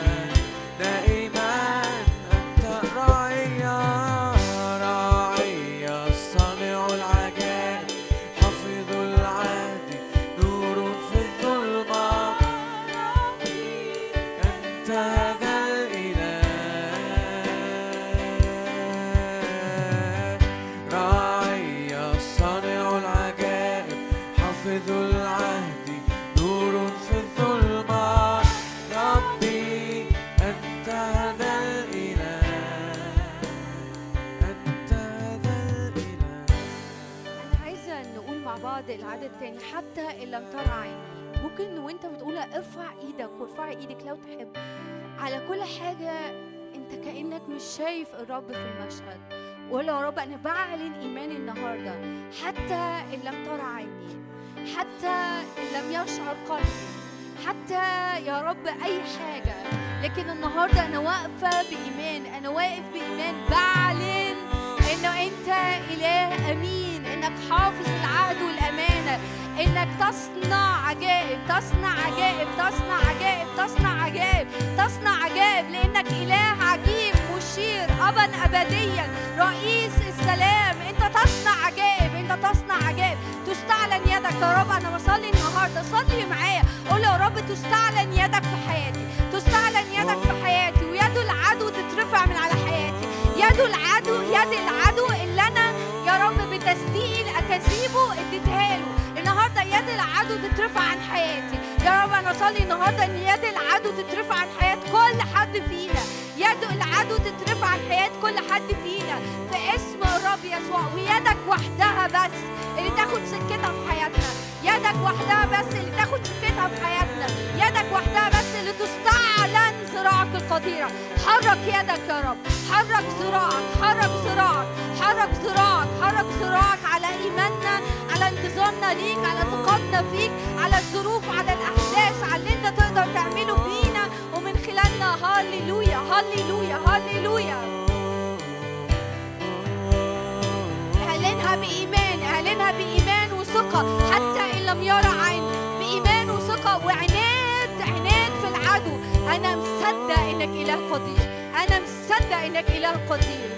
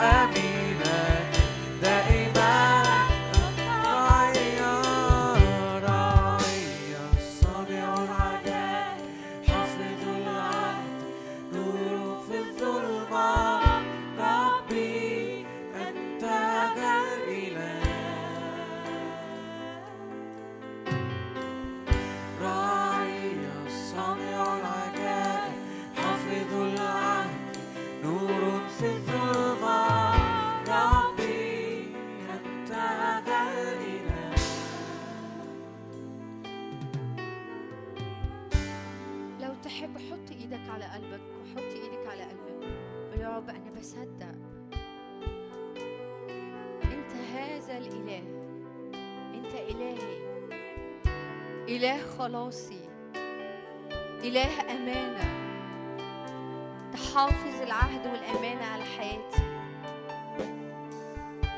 تحافظ العهد والأمانة على حياة كل حد فينا. تحافظ العهد والأمانة ومصر يا رب مصر مصر مصر. إنك لا تتركنا حتى تفعل كل ما كلمتنا به.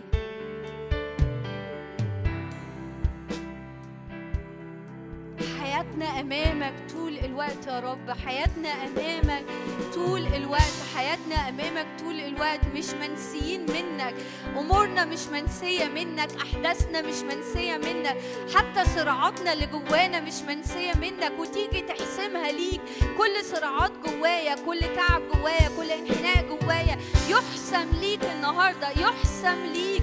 يحسم ليك بمجد وبنصرة. في هذه جميعها في هذه جميعها. في هذه جميعها يعظم انتصاري يعظم انتصاري بيك. كلم الرب بصورة شخصية. قول له في كل ده يا رب في كل ده في كل ده. يعظم انتصاري مني يعظم انتصاري بالذي أحبني يعظم انتصاري بإلهي اللي مليان محبة ليا مليان محبة مليان محبة. اللي بيقول محبة أبدية أحببتك من أجل ذلك أدمت لك الرحمة. أشكرك. أشكرك أشكرك. هللويا هللويا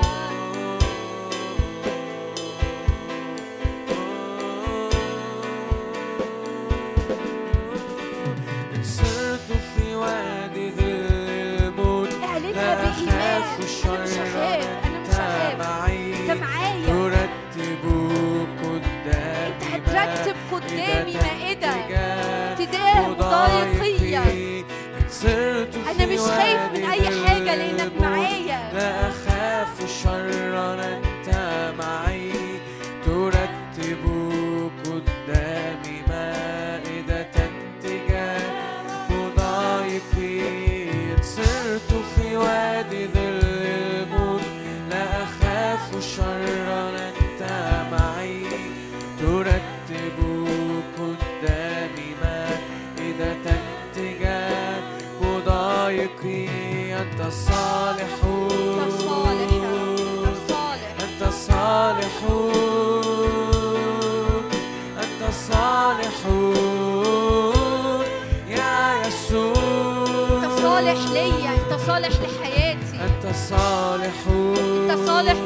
تفاصيل حياتي. أنت الصالحون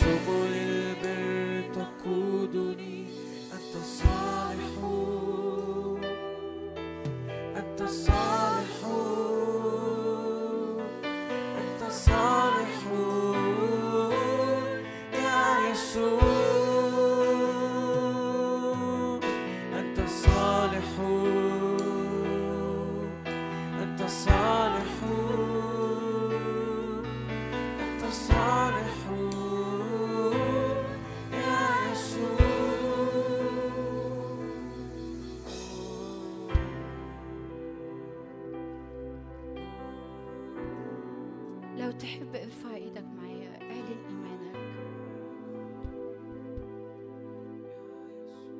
يا رب أؤمن أؤمن أؤمن.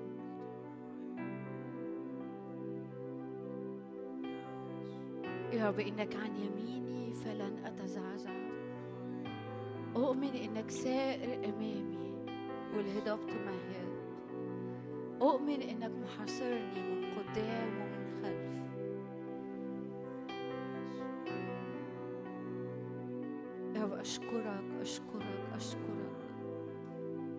أشكرك من أجل حصارك ومعيتك لكل حد فينا. يا رب مفيش حد ماشي لوحده. يا رب أشكرك لأنك معانا معانا معانا معانا. وإحنا نايمين أنت موجود وإحنا صاحيين أنت موجود وإحنا في الشارع أنت حوالينا. وإحنا في المواصلات وإحنا في البيت وإحنا في الشغل. يا رب علي إدراكنا لمعية حضورك يا رب في حياة كل حد فينا. علي إدراكنا علي إدراكنا علي إدراكنا. يا رب مفيش لحظة إحنا يا رب لوحدنا. مفيش لحظة إحنا لوحدنا. مفيش لحظة إحنا لوحدنا. ها أنا معكم كل الأيام كل الأيام كل الأيام. إلى انقضاء الظهر أنت معانا كل وقت كل يوم لغاية لما نقابلك في السماء. أنت موجود أنت موجود في كل تفاصيل في كل تفاصيل في, في المياه وفي الأنهار وفي النار وفي كل حاجة بنعدي فيها. أنت أنت موجود أنت موجود أنت موجود. أشكرك. أنت موجود أنت موجود. أنت مش موجود بس وساكت. أنت موجود وبتمد إيديك وب- وبتصنع كل اللي جوه قلبك. أنت موجود وحي. وتصنع خلاص يا رب في حياتنا. يا رب هذا مقدار تصنع خلاص عظيم جدا خلاص عظيم جدا. تدخلات معجزية في حياة ناس في وسطينا يا رب الأيام الجاية. تدخلات معجزية في أشغال تدخلات معجزية في علاقات تدخلات معجزية في أمور مادية تدخلات معجزية في شفاءات في النفس وفي الجسد. تدخلات معجزية تصنع خلاص عظيم تصنع خلاص عظيم. واسترداد يا رب استرداد استرداد لكل سلام اتسلب استرداد لكل راحة اتسلبت استرداد يا رب استرداد. زي ما داود استرد كل حاجة كل حاجة اللي سلب- سلبها العمالقة استردها للآخر استردها للآخر. يا رب النهاردة نتشدد بيك وتصنع استرداد للآخر. حياة كل حد فينا. أنا بشكرك أنا بشكرك أنا بشكرك. تعطي يا رب يا رب ضعفين عن كل ما سلبه العدو في حياة كل حد فينا. ضعفين يا رب ضعفين ضعفين ضعفين ضعفين. يا رب أشكرك أشكرك. بنؤمن بيك يا رب. بنؤمن نؤمن نؤمن نؤمن نؤمن نؤمن نؤمن نؤمن إنه لا يخزى منتظروك. اعلن إيمانك كده معايا اعلني إيمانك. لا اخزى يا رب لا اخزى في انتظاري ليك. لا اخزى في إيماني في شخصك لا اخزى يا رب لا يخزى منتظروك كل مرة حطيت فيها رجاء عليك يا رب لا اخزى كل مرة صدقتك يا رب لا اخزى لا اخزى ولا تبيت مديون لأحد يا رب. أنا بشكرك إنك لا تبيت مديون لأحد لا تبيت مديون لأحد. لكن كل حاجة وعدت بيها كل حد فينا تصنعها وبمجد وبمجد وبمجد. حتى إن كان العدو شكله سرق الحاجة يا رب. تعوض بمجد. تعوض بمجد تعوض بمجد يا رب. انت تعوض بمجد. كل حاجة اتسلبت تعوضها بمجد بمجد بمجد بمجد.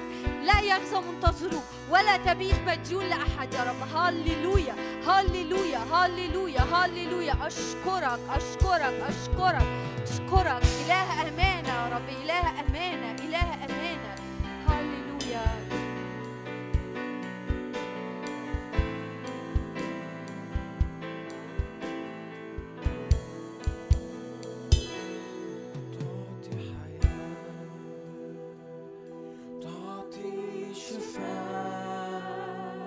مد ايديك وخد حياة من الرب. مد ايديك خد شفاء لنفسيتك. شفاء لنفسيتك. شفاء من كل حزن من كل كآبة من كل. إحباط من كل يأس من كل عدم إيمان. شفاء. شفاء لأجساد في وسطينا النهاردة في اسم يسوع شفاء لنفسيات وأجساد.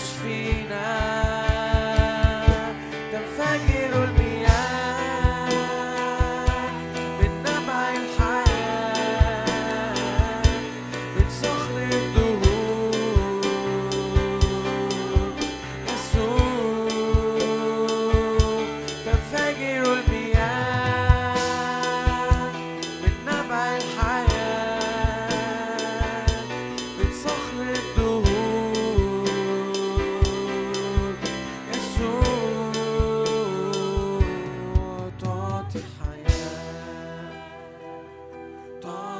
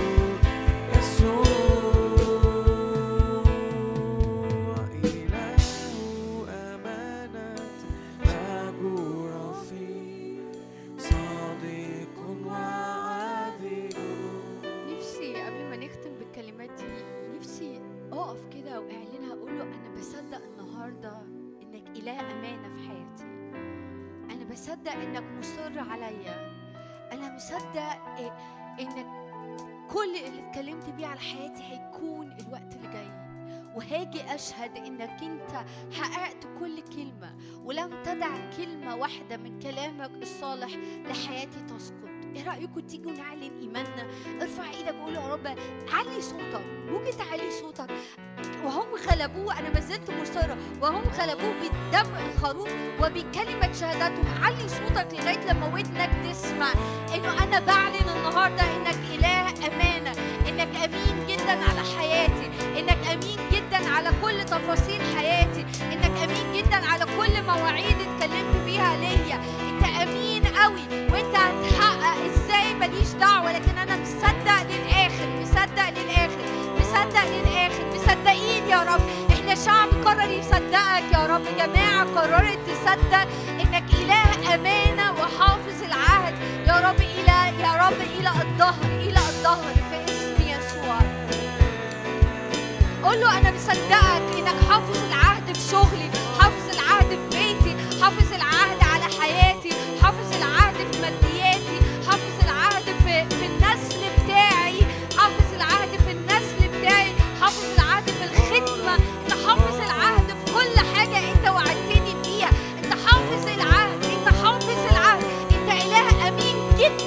جدا جدا على حياتي.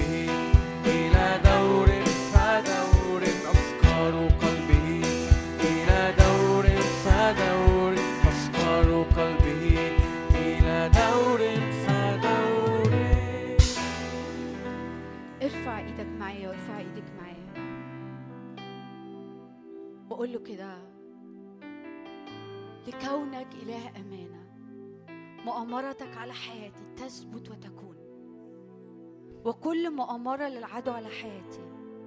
لا تقوم ولا تكون. في اسم الرب يسوع اعلن إيمانك. ده إيمان. ده إيمان. إيمان في شخص الرب. إيمان في إله الأمانة اللي أنت مصدق فيه. إيمان في شخص الله إله خلاصنا. إنه كل مؤامرة للرب على حياتك تثبت وتكون وتكون. وكل مؤامرة للعدو على حياتك لا تقوم ولا تكون. كل لسان يقوم عليك في القضاء تحكم عليه وكل آلة تصور ضدك. لا تنجح لا تنجح. يا رب بنؤمن بيك بنؤمن إنك إله أمانة. بنؤمن إنك إله خلاصنا. بنؤمن إنك يا رب حافظ العهد والأمانة. يا رب تصنع عجبا تصنع عجبا. في حياه كل حد فينا. لكونك شديد القدرة يا رب. لكونك شديد القدرة. لا يفقد أحد. لا يفقد أحد. لا يفقد أحد. ولن تتركنا حتى تفعل ما تكلمت به على حياتنا. قولي له كده لن تتركني لن تتركني حتى تفعل ما تكلمت به على حياتي. هللويا. وإحنا بنكمل نسبح ونعبد الرب. هكون بصلي مع ناس. بس مش هننفع نتأخر عشان وقتنا ف ممكن لغاية تسعة ونص بس هنكون بنعبد ونسبح مع بعض وهكون بصلي وبقيه الخدام مع الناس اللي محتاجة صلاة.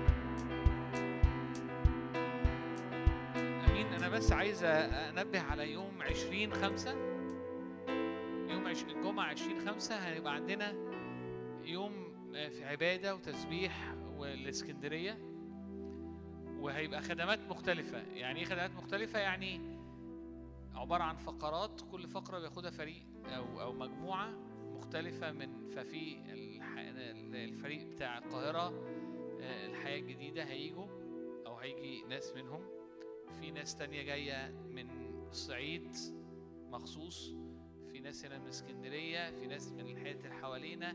مهم فهو يوم طويل فقرات كله كله عبادة كله تسبيح. آه، بس وعندنا إيمان إنه ده يغير في أجواء إسكندرية ويعمل حاجة في الروح. كل كل فريق أو كل مجموعة جاية بالمسحة بتاعتها. أنا بشجعك بس إنك لما تيجي إنك تيجي وتيجي اليوم كله و... وتبقى جاي كده وأنت عندك إحساس إن أنت بتشارك. يعني أنا مثلا هبقى دايم تحت مش هبقى فوق. أو يعني مش هبقى بعمل حاجة غير إن أنا حاسس إن أنا بشارك وأنا بعبد وأنا برنم. أنا بتملي في حاجة بتحصل في البلد في حاجة بتحصل في المحافظة في حاجة بتحصل في الأشغال في حاجة بتحصل في الجو كله. بركة في كل اتجاه في البيوت مع الولاد آه، في كل حاجة. و... وده اللي إحنا مشاركينه مع الناس اللي جاية المجموعات اللي جاية. في ناس عشان تيجي هتركب قطر قطر مثلا قطورات 10 ساعات 12 ساعة عشان تيجي تاخد ساعة عبادة وتسبيح. فده قدر ال- التضحية أو قدر العطاء اللي الناس مدياه. وكل اللي جاي جاي عشان عنده إيمان إنه الرب عايز يعمل حاجة في اسكندرية وإنهم بمشاركتهم بيعملوا حاجة بيغيروا الأجواء.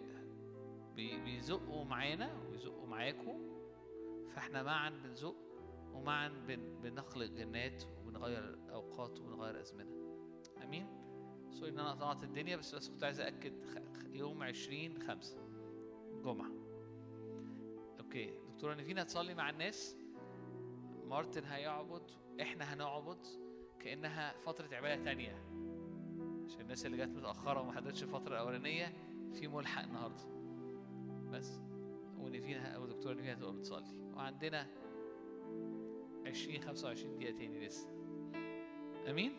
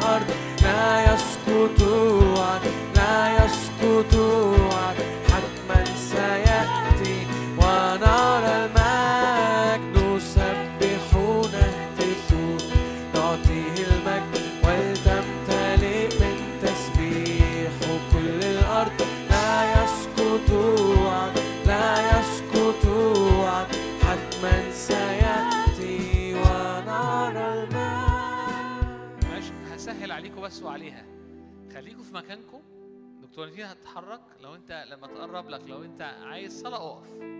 عشان بس هي تبقى براحتها وانتوا كمان ترتاحوا في اماكنكم الدنيا كانت تبقى أسهل بكتير.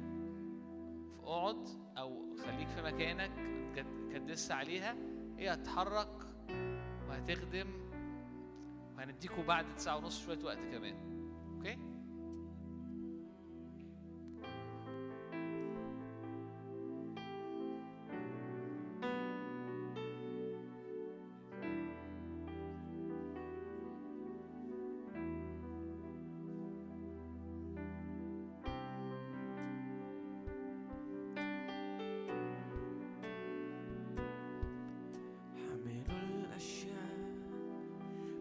كلمات قدرتك. خالق الحياة من العذاب. حمل الأشياء بكلمات قدرتك.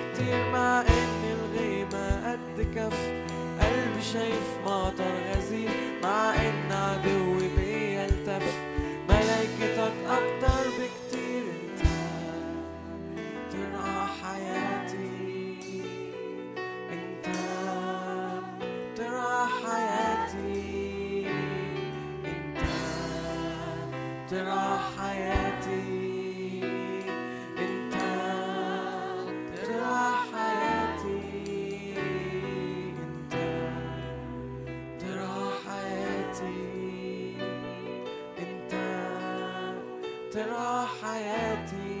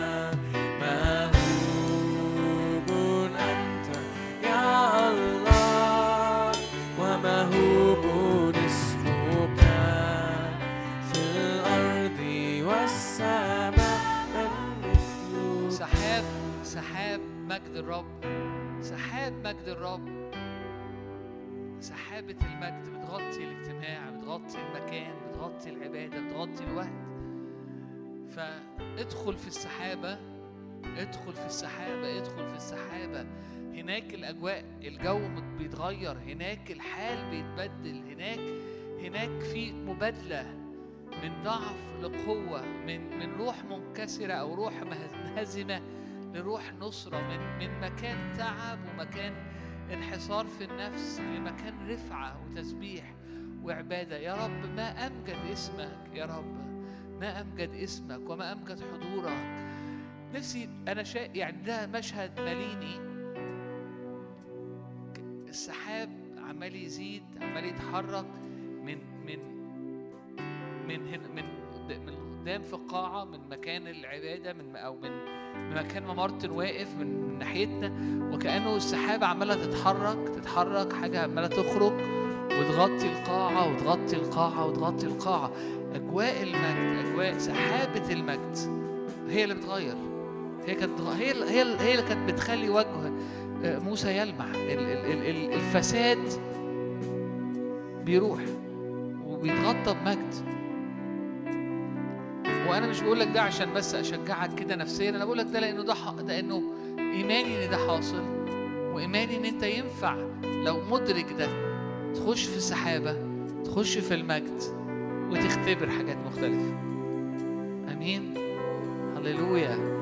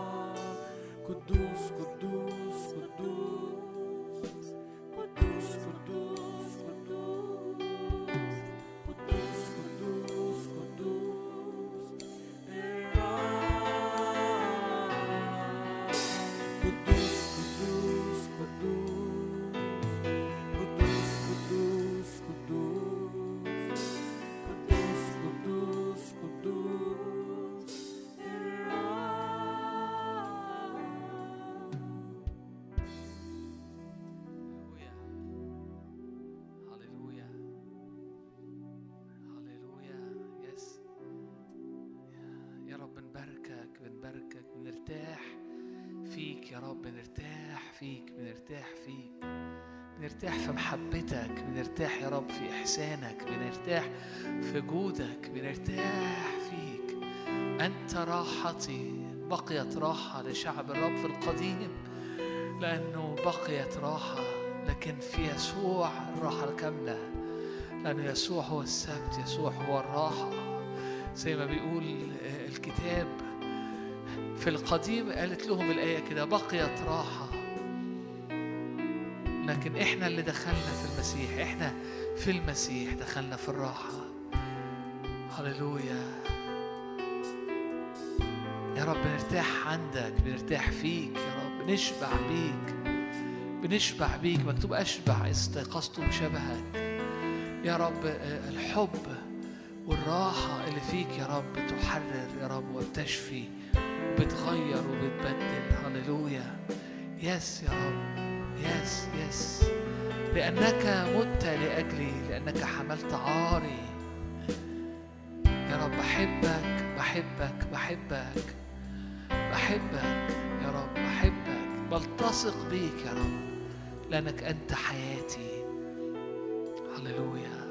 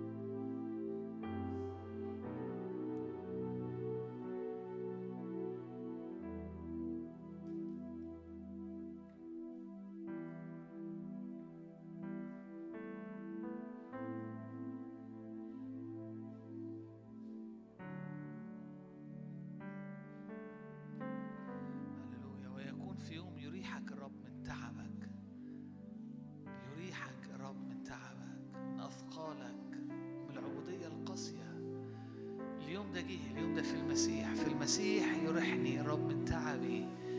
في حضرة الرب في المسحة في الحضور يريحني الرب من تعبي. يحمل أثقالي. يكسر أنياري. هللويا. يمشيني على مرتفعاتي. نفسي استقبل كده في المسيح. استقبل معايا واستقبلي. استقبل يسوع. ارتاح في يسوع. ويكون في يوم ده هو في المسيح. إحنا في هذا اليوم إحنا في المسيح في هذا اليوم باسم يسوع. يوم يريحنا الرب من تعبنا. تقول لي يا تعبانة أقول لك فيه ملء الراحة في ملء الشفاء في ملء الشبع في ملء الطمأنينة. ندخل إليه ونرتاح. في مراع خضر يربطني. هو المرعى هو الشبع. نفسي النهارده استقبل من الرب كده. قول يا رب افتح إدراكي عشان أشوف إنه الراحة هي فيك. الراحة مش ظروف الراحة مش بلد الراحة مش الراحة فيك. في يسوع راحة. يكون في يوم يريحك الرب من تعبك من أثقالك من العبودية. اليوم يسوع لما فتح سفر قال اليوم اليوم بالنسبة لنا اليوم ده زمن زمن النعمة زمن المسيح. فالنهاردة الزمن ده مكمل. يسوع لينا راحة وشبع. استقبل من الرب كده واستقبلي من الرب شبع وراحة وراحة. ومن ملئه نحن جميعا أخذنا. ونعمة فوق نعمة. في نعمة ينفع تاخدها وتكمل معاك وتشبعك وتفيد.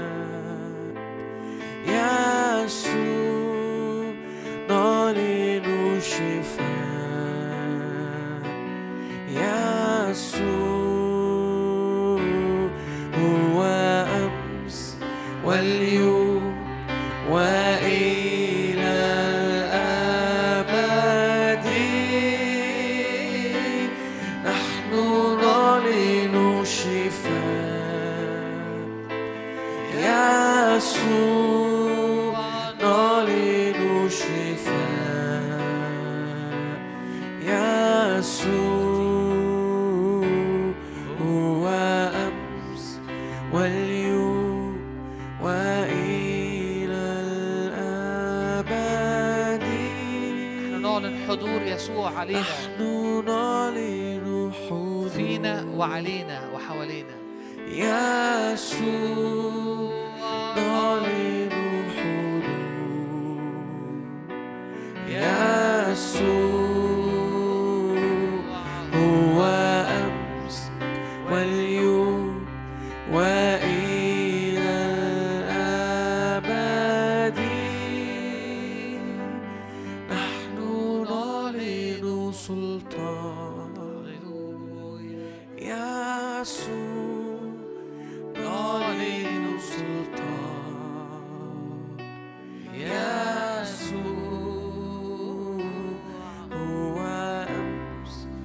واليوم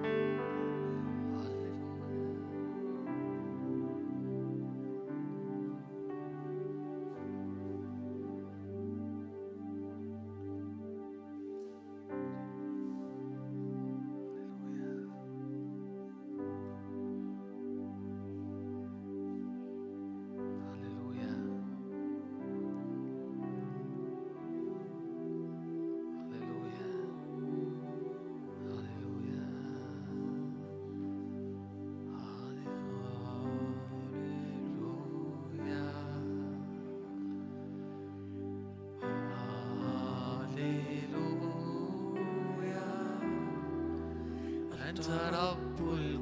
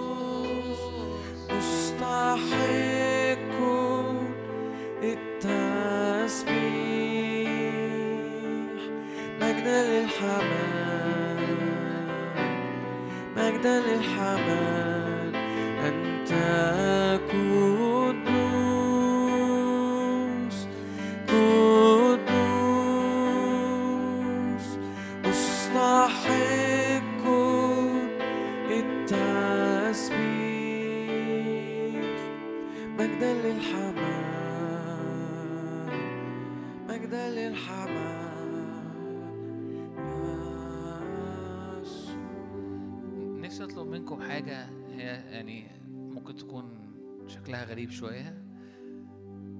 إحنا خلاص بنخلص بنختم. اطلع من هنا. عارف لما قال لهم ولا تكلم حد ولا تسلم على حد. كمل. أمن على اللي جواك وافضل صلي بيه طول الطريق وانت راجع. لو لقيت الدنيا لسه شغالة جواك وفي إمكانية كمل وانت في البيت.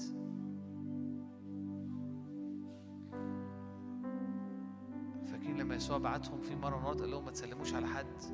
ما تردوش السلام. كم في